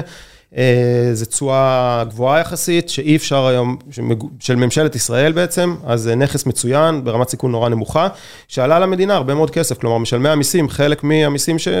שהם שילמו, הלך למימון אה, אגרות חוב בתשואה גבוהה לחוסכי הפנסיה, שזה אני לא חושב הקצאה נכונה של, ה... של משאבי המדינה, היא לא צריכה לסבסד את החסכונות של הציבור, ולכן החליטו להוריד את הדבר הזה. אה, כמובן שהייתה התרעמות מצד כל מיני גופים כאלה ואחרים. אה, שמייצגים אה, ציבורי חוסכים או ועדים ודברים כאלה, ולכן הוחלט שבמקום הדבר הזה, אז אותו רכיב יושקע על ידי המנהלים המוסדיים בהשקעות רגילות, אבל אם הם לא יעמדו ביעד תשואה מסוים, יהיה להם רשת ביטחון מהמדינה. אז לכאורה המדינה אה, מורידה את הסבסוד, ובפועל היא נותנת איזה רשת ביטחון שהיא מצפה לא להשתמש בה. אני חושב שזה מהלך שהוא סופר נכון. אני חושב שהממשלה צריכה לעסוק בדברים שהממשלה עוסקת, ולא לסבסד חסכונות, אני בכלל חושב שהממשלה צריכה להיות הרבה יותר אה, יעילה, והרבה יותר, אה, והמטרה שלה צריכה להיות כל הזמן לצמצם אה, את תשלומי המס ולהוריד את ההוצאות שלה, והיתרון היחסי שלה בהרבה מקומות שהיא פעילה בהם הוא לא קיים, ולהפך, יש חסרונות יחסיים. ובקיצור, לדעתי זה דבר נכון, ההשפעות יהיו שיותר כסף של המוסדיים ילך לשוק הרגיל, ילך לאגרות חוב הרגילות, ילך למניות הרגילות, חלק ימצא לחו"ל כמובן, אמ, ובשורה התחתונה, אני חושב שזה צעד נכון. כן, באופן כללי העניין הזה של אה, לנסות להיות רזה, כי אתה לא יודע מה יגיע לכיוונך ולנסות לרוץ יותר מהר, אה, הוא מאוד נכון לגבי מדינות. אתה רואה, יוון אכלה הרבה קש עם אה, התפזרות תקציבית, והייתה צריכה לעשות הרבה צעדים מאוד כואבים שיכולים לפרק מדינה. בסוף זה חיים של אנשים, אתה יודע, זה נורא קל להגיד להתייעל, אבל אתה לא יכול להתייעל באבחה אחת, כי זה חיים של אנשים. נכון. והבעיה בישראל, גם ספציפית, שהרבה, שאין הבנה כזאתי, גם, גם בקרב הציבור וגם בקרב נבחרי הציבור, שה, שהתקציב הוא לא אינסופי, ושהמשמעות של בואו נעשה טובה לאזרחים ונגדיל תקציב, בואו נהיה יותר אה, חיוביים, בואו נהיה יותר חברתיים וכו', בסופו של דבר זה, זה בא על חשבון משלמי המיסים. ו... לא, אלה אז הבאים בתור, אתה יודע, זה... אין ארוחות חינם. כן, אה, זה מדהים שאתה יכול לעשות שיחות עם אנשים שמאוד יפתיעו אותך שחושבים ככה, ואתה אומר, מה אמרת עכשיו? זה כמובן לא ננקוב שמות. אה, האם נכון להחזיק באג"ח ממשלתי במצב של היום? סביבות ריבית אפסיות, צפי לעליית אינפלציה ודיבור על העלאת ריבית מסביב לעולם. אז האג"ח הממשלתי אה, כבר הגיב לכל הדברים שנמנו כאן, האם הוא הגיב יותר מדי או פחות מדי, שוב, אני לא יכול להתנבא, אני בעצמי כמובן לא יודע. אתה יודע, אג"ח של ארה"ב לעשר שנים מביא לך יותר תשואה מדירה בתל אביב היום. נכון, נכון. למי שלא מבין, תבדקו אותי יותר משתיים וחצי, שתיים נקודה, שתיים שבע, שתיים שבע נכון ליום שישי. מעל שתיים וחצי אחוז. דולרי אבל, דולרי. לעשר שנים קדימה, אם אתם רוצים לקנות דולרים, אין תשואה כזו כמעט על דירה בתל אביב. נכון, כשלפני שנה היינו בתשואה שמתחת לאחוז לעשר שנים, אותו כן. דבר בדיוק. אז אגרות החוב כבר uh, הגיבו, uh, אגב, מה המשמעות היא? אם, זה, אם התשואה השתפרה, זה אומר שמי שהחזיק את זה לפני זה הפסיד כסף, כלומר אגרות החוב ירדו, בגלל שהמחיר שלהם הוא נמוך יותר, אז אפשר לעשות יותר כסף למי שיחזיק אותם לאורך זמן. Uh, אני חושב שוב שגם היום, uh, זה עוד, בתיק מפוזר, זה חלק מהאסט קלאסים, הוורטיקליים שצריך להחזיק בו. זה בטח היום הרבה יותר אטרקטיבי ממה שזה היה לפני שנה. אנחנו גם היום משתדלים באגרות החוב להיות זהירים, כלומר לא לקנות אגרות חוב ארוכות מדי שהן הרבה יותר רגישות לשינויי מחיר, לשינויי ריבית וכך הלאה, או לאינפלציה עולה או יורדת, אבל זה כן חלק שראוי להיות בתיק, וזה כן חלק שמייצב אותו עם דברים מידרדרים. קוסטה שואל, כמה השיטה שמוזכרת בספר המשקיע נבון, שבה ממליצים לרכוש אינדקס S&P 500, למשל בסכום קבוע ובתדירות קבועה, עדיין רלוונטית היום? והאם בתי השקעות בארץ יכולים להתחרות עם זה בכלל, עם מה שהם מציעים כמוצרים בסיסיים, מסלול כללי מניות? אז שתי, זה שתי שאלות שהתחברו לאחת. בואו נדבר קודם כל על השיטה של הקנייה לשיעורין. לא לכל אחד זה נוח, לא כל אחד, אני חושב שיש הרבה... לא כולם צריכים לחסוך כסף, מה לעשות? בדיוק, שיש להם סכום אחד שצריכים להחליט, ולא דווקא כל חודש חוסכים. אני חושב ששוב, לאורך זמן שווקים עולים ויוצרים ערך, ולכן זה לא צריך להיות, זה משנה בשוליים, האם קנית את זה היום, מחר, אתמול או מחרתיים, כמובן שתמיד יהיה את זה שיתרה מזלו וקנה את הכל דווקא יום לפני ירידה גדולה, ובר המזל שקנה את הכל, או המשקיע המתוחכם שקנה את הכל בדיוק בתחתית. אבל בסופו של דבר, למי זה נכון השיטה הזו של קנייה בשיעורין? זה נכון פסיכולוגית, לאותו אחד שנורא מפחד מהבורסה ונורא מפחד להתעורר בבוקר ולראות שזה ירד לו 2% אחרי שהוא קנה הכל אתמול, אז תקנה בכמה נגלות, תמצע את מחיר הקנייה שלך ותרגיש טוב עם עצמך. לגבי בתי השקעות ומול מדד ה-S&P, צריך לזכור שרוב הכספי הציבור לא נמצאים במסלולים שהם נטו 100% מניות, כלומר להחזיק היום חשיפה של... אין דבר כזה בפנסיה, למי ששומע? אין דבר כזה. יש, יש, יש, יש מסלולים שהם רק מנייתיים, אתה יכול לבחור ללכת לדבר כזה. כן, זה אין את החלק של המדינה, שהמדינה... כן, אז 95 אחוז מה... כן, כן, אוקיי, לזה התכוונתי, שזה לא יכול להיות חוקית 100 אחוז. כן, בקרנות השתלמות נגיד כן יש לך. כן, זה שלי, מה אני אגיד, אין לי בעיה להגיד ששלי כזו, הייתה, או עדיין. עכשיו, זה נכון שלמשקיע, לעובד בגיל 30, שיש לו עוד שנים רבות של חיסכון וכו' וכו' וכו', 100 אחוז, הגיוני לגמרי. כל אחד והשיקולים שלו, להיות במסלול שהוא מוטה מניות. בסופו של דבר, אבל רוב כספי הציבור נמצאים, אני חושב שאם אנחנו צריכים לדבר על אחוזים, מעל ל-80% מכספי הציבור נמצאים במסלולים משולבים, שיש בהם גם רכיב מניות, גם רכיב אגרות חוב, גם וגם וגם. עכשיו, במקומות האלה, אני חושב, וגם במסלולים שהם פיור מניות, אני חושב שכן, שיש מנהלי השקעות, יש את כל המחקרים שמראים שקשה לקוט את המדד וכו', גם אותם מחקרים מראים שיש מנהלים שכן מצליחים לעשות זה לאורך זמן, אז אחד, כדאי לבחור מנהל השקעות אה, טוב, כמו שאתם הולכים לניתוח, לא תיקחו את המנתח, אם אתם צריכים לשלם out of pocket money, לא תלכו למנתח הזול ביותר, אלא תלכו למנתח עם הסטטיסטיקה הטובה ביותר בשנים האחרונות, ותצפו שהוא ימשיך עם אותה סטטיסטיקה, אין משתנה אחר שיכול לנבא את זה יותר טוב. ובניהול ההשקעות יש המון אפשרויות השקעה, זה גם לאו דווקא S&P או עוד שווקים אחרים, נגיד מתחילת השנה הזאתי, במקרה ישראל עשתה יותר טוב מ-S&P, האם זה המשיך ככה? לא יודע, אבל תיק מפוזר תפקד יותר טוב מתיק שהוא 100% S&P. שתיים, יש עוד הרבה, בניהול אקטיבי יש עוד הרבה דברים אחרים, יש לך הנפקות שאתה יכול להשתתף בהן, עסקאות מיוחדות שאתה יכול להשתתף בהן, השקעות לא שכירות, כמו שדיברנו עליהן קודם, שאתה יכול להשתתף בהן ושיכולות ליצור רווח משמעותי, ולכן אני חושב שכשיש לך ארגז כלים רחב יותר, אז יש לך, ויש לך ניהול טוב ורעב ומוכוון מטרה ושרוצה לנצח וכו', אז יש יכולת לקוט את המדדים, אני חושב שיש גם כמה מנהלים ישראלים שמצליחים לאורך שנים לקוט את המדדים אפילו בצורה די ניכרת. זה לא קל, זה עבודה קשה, זה לא יקרה כל שנה, יהיו תקופות פחות טובות, אבל לאורך זמן אני חושב שזה אפשרי. כן, עובדתית יש כאלו. עמית אשל שואל, ישנה טענה שמנהלי השקעות טובים ומנוסים ככל שיהיו, לא הצליחו לקוט את המדד לאורך זמן, מה דעתך? אז אני חושב שכרגע אמרת, על זה בדיוק דיברת. ושתיים, כיצד לקוח הקצה צריך לבחון בית השקעות? גם אם מדובר על פנסיה קרן השתלמות, מעבר לנתוני תשואות העבר ודמי הנימול, שאלה סופר לגיטימית. אני חושב שיש בעיקר, נגיד שלושה משתנים באמת משמעותיים. אחד, כן צריך להסתכל על תשואות העבר, אין מה לעשות, זה הסטטיסטיקה, וסטטיסטיקה, תשואות העבר זה לא שנה אחרונה וגם לא שנתיים אחורה, זה להסתכל על תקופות יותר ארוכות, ככל שיש, זה חשוב. שתיים, באמת דמי ניהול זה המקום היחידי שעליו אתם כן יכולים להשפיע. אז חשוב לי, חשוב לדבר גם עליו, ולדעתי זהות מנהל השקעות יותר חשובה מדמי הניהול, והדבר האחרון, זה גם מי מנהל את ההשקעות בפועל, כלומר, בית ההשקעות כמותג זה חשוב, ויכול להיות בית השקעות טוב, אבל עדיין צריך להסתכל גם מי מנהל בסוף את, ה, את, ה, את אותו נכס בסיס עצמו, כמה שנים הוא עושה את זה, האם הוא חדש, ישן, אם הוא היה פה הרבה שנים ועליו היו התשואות הטובות, או שהוא בכלל התחלף, ולכן כל ההיסטוריה היא בכלל לא רלוונטית. זה כמו שיש קרנות הון סיכון, יש לך את המנהלים הכי טובים שישבו באחת הקרנות הגדולות, באנדריסן הורוביץ או לא משנה מה, יצאו היום, יעשו ספין-אוף ויקימו את, ה, את הקרן שלהם, אז כמשקיע מוסדי, אני לא משקיע, בגדול אני נוטה פחות להשקיע ב first timers, כאלה שעוד לא הוכיחו את עצמם ועוד לא ראינו track record וכו'. מצד שני, אם עוזב מנהל השקעות שאתה יודע שהוא מעולה ושהוביל השקעות יוצאות דופן ויש לו ניסיון של הרבה שנים ומקים משהו חדש, אני ארגיש מאוד בנוח אה, ללכת איתו, כי בסוף הוא זה שינהל את הכסף, ולכן זה גם הבית, זה עוד יותר חשוב הבית. או היא, במקרה של אדריסן הורוביץ שיצא ממנה כל מיני כוכבות. כן. כן. זה, זה, אבל זה קשה, אתה יודע, אתה לא... אני רואה את זה עם כל מיני כוכבות שיצאו מאדריסן הורוביץ או כוכבים. שכשהם יוצאים, הם עדיין מרגישים, אני רוצה עכשיו אה, להוכיח שטעו, שלא יתנו לי להשקיע ב web 3.0, creator economy, כל מה שיכולתי באנדריסן, אז אני אשתולל. ואתה רואה, אני עוקב אחרי כל מיני אנשים שאתה רואה, שמע, קשה בחוץ. כן. כל מי שחושב ש... לכל, לכל מי שעובד ב enterprise וחושב שהוא יוצא החוצה וזה קל, זה לא. כן, אז זה אני יכול להגיד אה, מ... אה, על בשרי.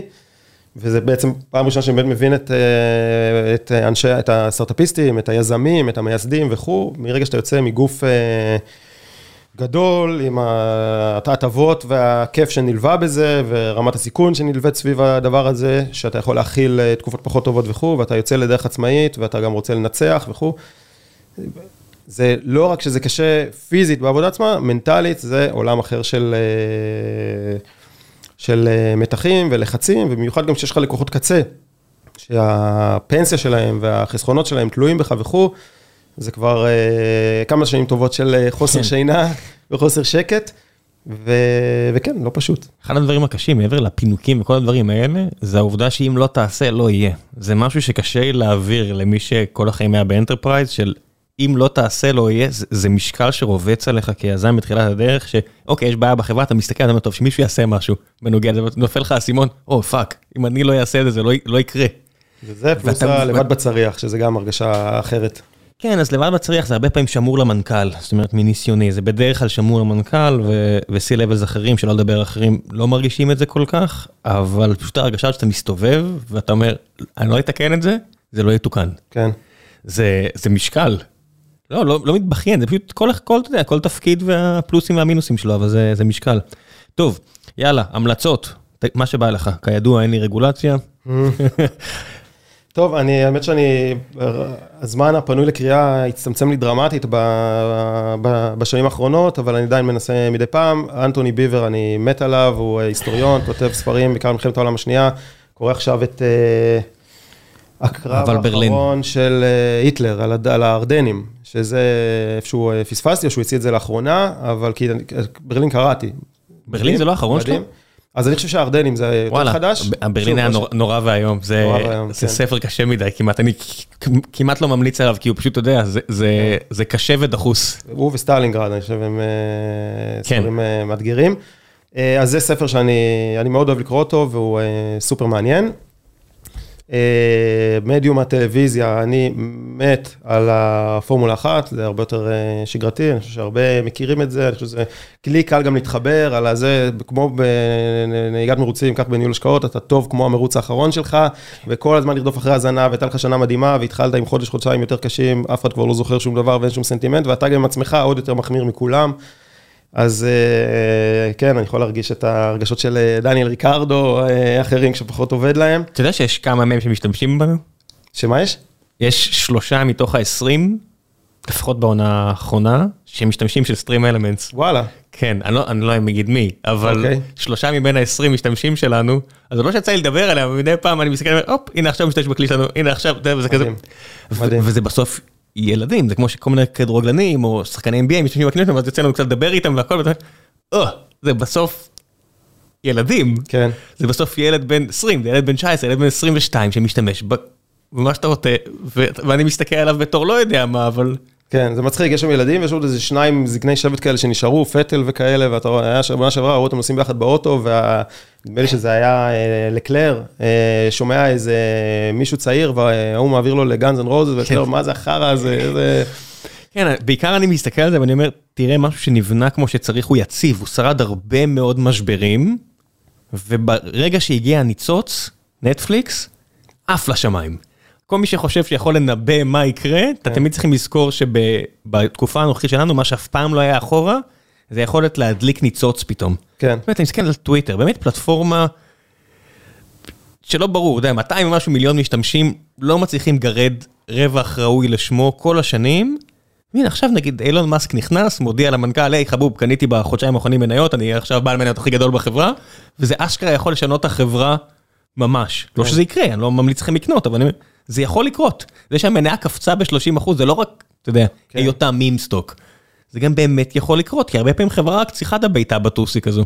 ברור, תראה את אה, טאוור בישראל, שעד לפני אה, לא, 10 שנים, אולי קצת יותר אפילו, 15 שנה, זה היה, היא הייתה על default, עם אה, הסדר חוב ובנקים שלקחו מניות והלוואות. כן, ו- באותה תמונה של המנכ"ל עם הזקן שלו, לא זוכר מה היה. הראסל אה, המורמוני הזה כן. לנהל אותה, ו- ווואו, איזה אקזיט, באמת, אבל זה לא היה, זה לא היה פריחת הדובדבן.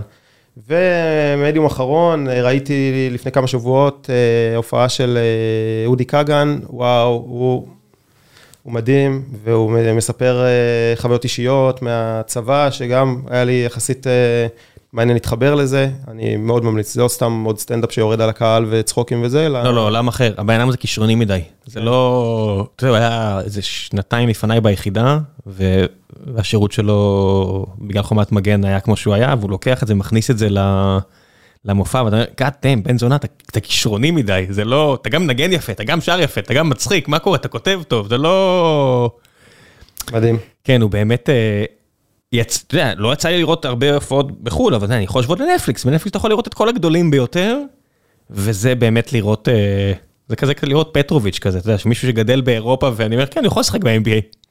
אז גם הוא, אודי קנגן, זה עניין של שפה, אתה יודע, אני לא יודע איך האנגלית שלו, אני מניח שהיא טובה לפי מה שאני שומע, אבל זה בן אדם שיכול, אה, הוא, הוא לא פחות טוב מהטובים ביותר בעולם, לעניות דעתי. כן. צחקתי, אתה מתרגש, אתה... באמת, סוף הדרך, לכו אם אתם יכולים למצוא כרטיס, חצי שנה קדימה, שיהיה בהצלחה. באמת, זה, זה, זה המצב. כל הכבוד לו שהוא הגיע למצב הזה, אבל זה לו. המצב. כל הכבוד לו. נ, נדיר ש... שאתה רואה standing ovation אמיתי בארץ, ופעמיים ראיתי את ההופעה שלו, ו... וזה היה... וזו הייתה, הסיטו... זו הייתה הסיטואציה. כן, גם מנעד הרגשות שאתה חווה תוך כדי הוא כל, אתה יודע. הוא, הוא, הוא, זה כמו, ראיתי סרט על um, Very Promising Young Lady, אני חושב שזה נקרא. אז מישהי שנוקמת במישהו שאנס אותה. Mm. ואתה יודע, ואני כבן אדם נהנה מהסרט. צוחק, אתה יודע, נהנה, אה, מתרגש. ואתה רואה באולם כל מיני אנשים שלא מוחאות כפיים, שהם בשקט. ואתה אומר, אוקיי, עובר עליה עכשיו חוויה הרבה יותר קשה משלי, ואתה רואה במופע של אודי כגן, הסתכלתי קצת, ואתה רואה אנשים שלא ידעו. אף אחד לא הזהיר אותם אזהרת טריגר. כן. אם עבר עליכם שירות צבאי אה, קרבי בעייתי, קחו בחשבון שזה עלול... אה, זה לא צוף. עלול להציף לכם דברים. כן, זה, היה לי את זה בבית לחם, אתה זוכר את הסרט הזה? כן, יצא לך לראות אותו? כן. ראיתי אותו בקולנוע עם חברים, וזוכר, תפסתי את הצד של הכיסא, אמרתי חזק, אמרתי, וואו, זה... מישהו אמר לי, תקשיב, זה לא ככה, עזוב, זה שטויות, אמרתי לו, תקשיב בן זונה, זה ממש ככה. החוויה הזאת של, אתה יודע, להיכנס לדובדבן, אני לא יודע מה, איזה, איזה יחידה שם, ו- ו- שזורקים עליך דברים והכל, זה ככה. כן, לי בופור, קשה לי קצת, אה, אני רואה אותו, אבל כל שנה מגיע יום הזיכרון וזה וזה וזה, והסרטים, ואני כל פעם נגרר לראות אותו שוב, וכל פעם זה, כל שנה זה נהיה יותר ויותר גרוע לראות את זה, ולשחק בפצע כזה, אתה יודע, בפצע בפה עם ה... כן, היה לי את זה עם, עם, עם הספר עצמו, כתבתי עליו כן. אה, בזמנו, אם, אם יש גן עדן, כן. כתבתי עליו משהו, וזה היה הרבה לפני הרשתות החברתיות שזה יצא. אה, ורון לשם מיד כתב לי אימייל. אמר לי, מה, מה הקשר? כאילו, ואמרתי, אתה יודע, זה, פוגע קרוב לבית. אתה יודע, זה... כן. יצא לי להיות שם בתקופה שלא היינו שם, אתה יודע, את כל הדברים האלה. אח שלי חטף כדור. בגב בלבנון, Mm-hmm. בתקופה הזו בדיוק. אני מכיר את האנשים, זה, לא... אמרתי לו, כן, הוא אמר, "לא, הוא לא היה. הוא, יחסית לבן אדם כן, שתיאר את זה, זה- הוא לא היה שם, וזה מדהים. יש אחד שהיה שם בנחל אה, אמריקאי, נדמה לי כתב את דלעת, גם כן, אה, כן. ספר זה. יש ספר של צ'יקו, שהיה מטורף לקרוא, אני לא זוכר את השם, משהו על לבנון גם, צ'יקו שהיה אה, מפקד אוגדה, כן, כן. או אחת האוגדות, כבר לא זוכר איזה.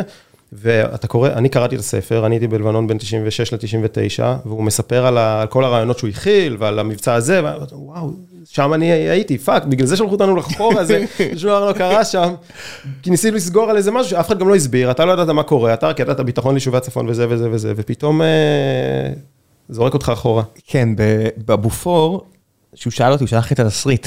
אמר לי, מה אתה חושב? אמרתי לו, תקשיב, זה piece of shit, אני מצטער. זה, הספר היה מעולה, והסרט כאילו, כן. לא, לא יכלתי, לא, לא ראיתי אותו עד היום. וואלה. פשוט קראתי תסריט, אמרתי, אני לא... אני חושב, אם, אם אני זוכר נכון, כי אתה יודע, עברו הרבה שנים, שפשוט הדבר היחידי שהיה שם זה שהוא שינה את השם של, אה, של הכלבן בסרט, בתסריט לנדב, שזה היה בחור מאצלנו שנהרג.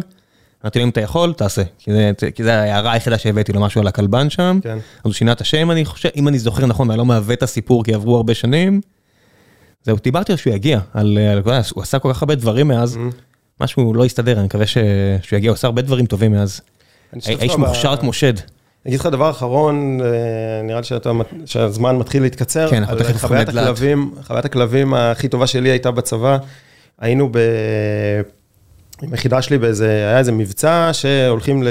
בתוך הקו, ה... בתוך הקו, ה... כאילו, בתוך הקו האדום, לא מעבר, ליד איזה כפר שכל הזמן ראו שם תנועות, בלה בלה בלה, מתיישבים על רכס אחד, רכס שני, רכס שלישי, מקיפים איזה אזור מכל הכיוונים, היה מזג אוויר מחריד. מחריד קר.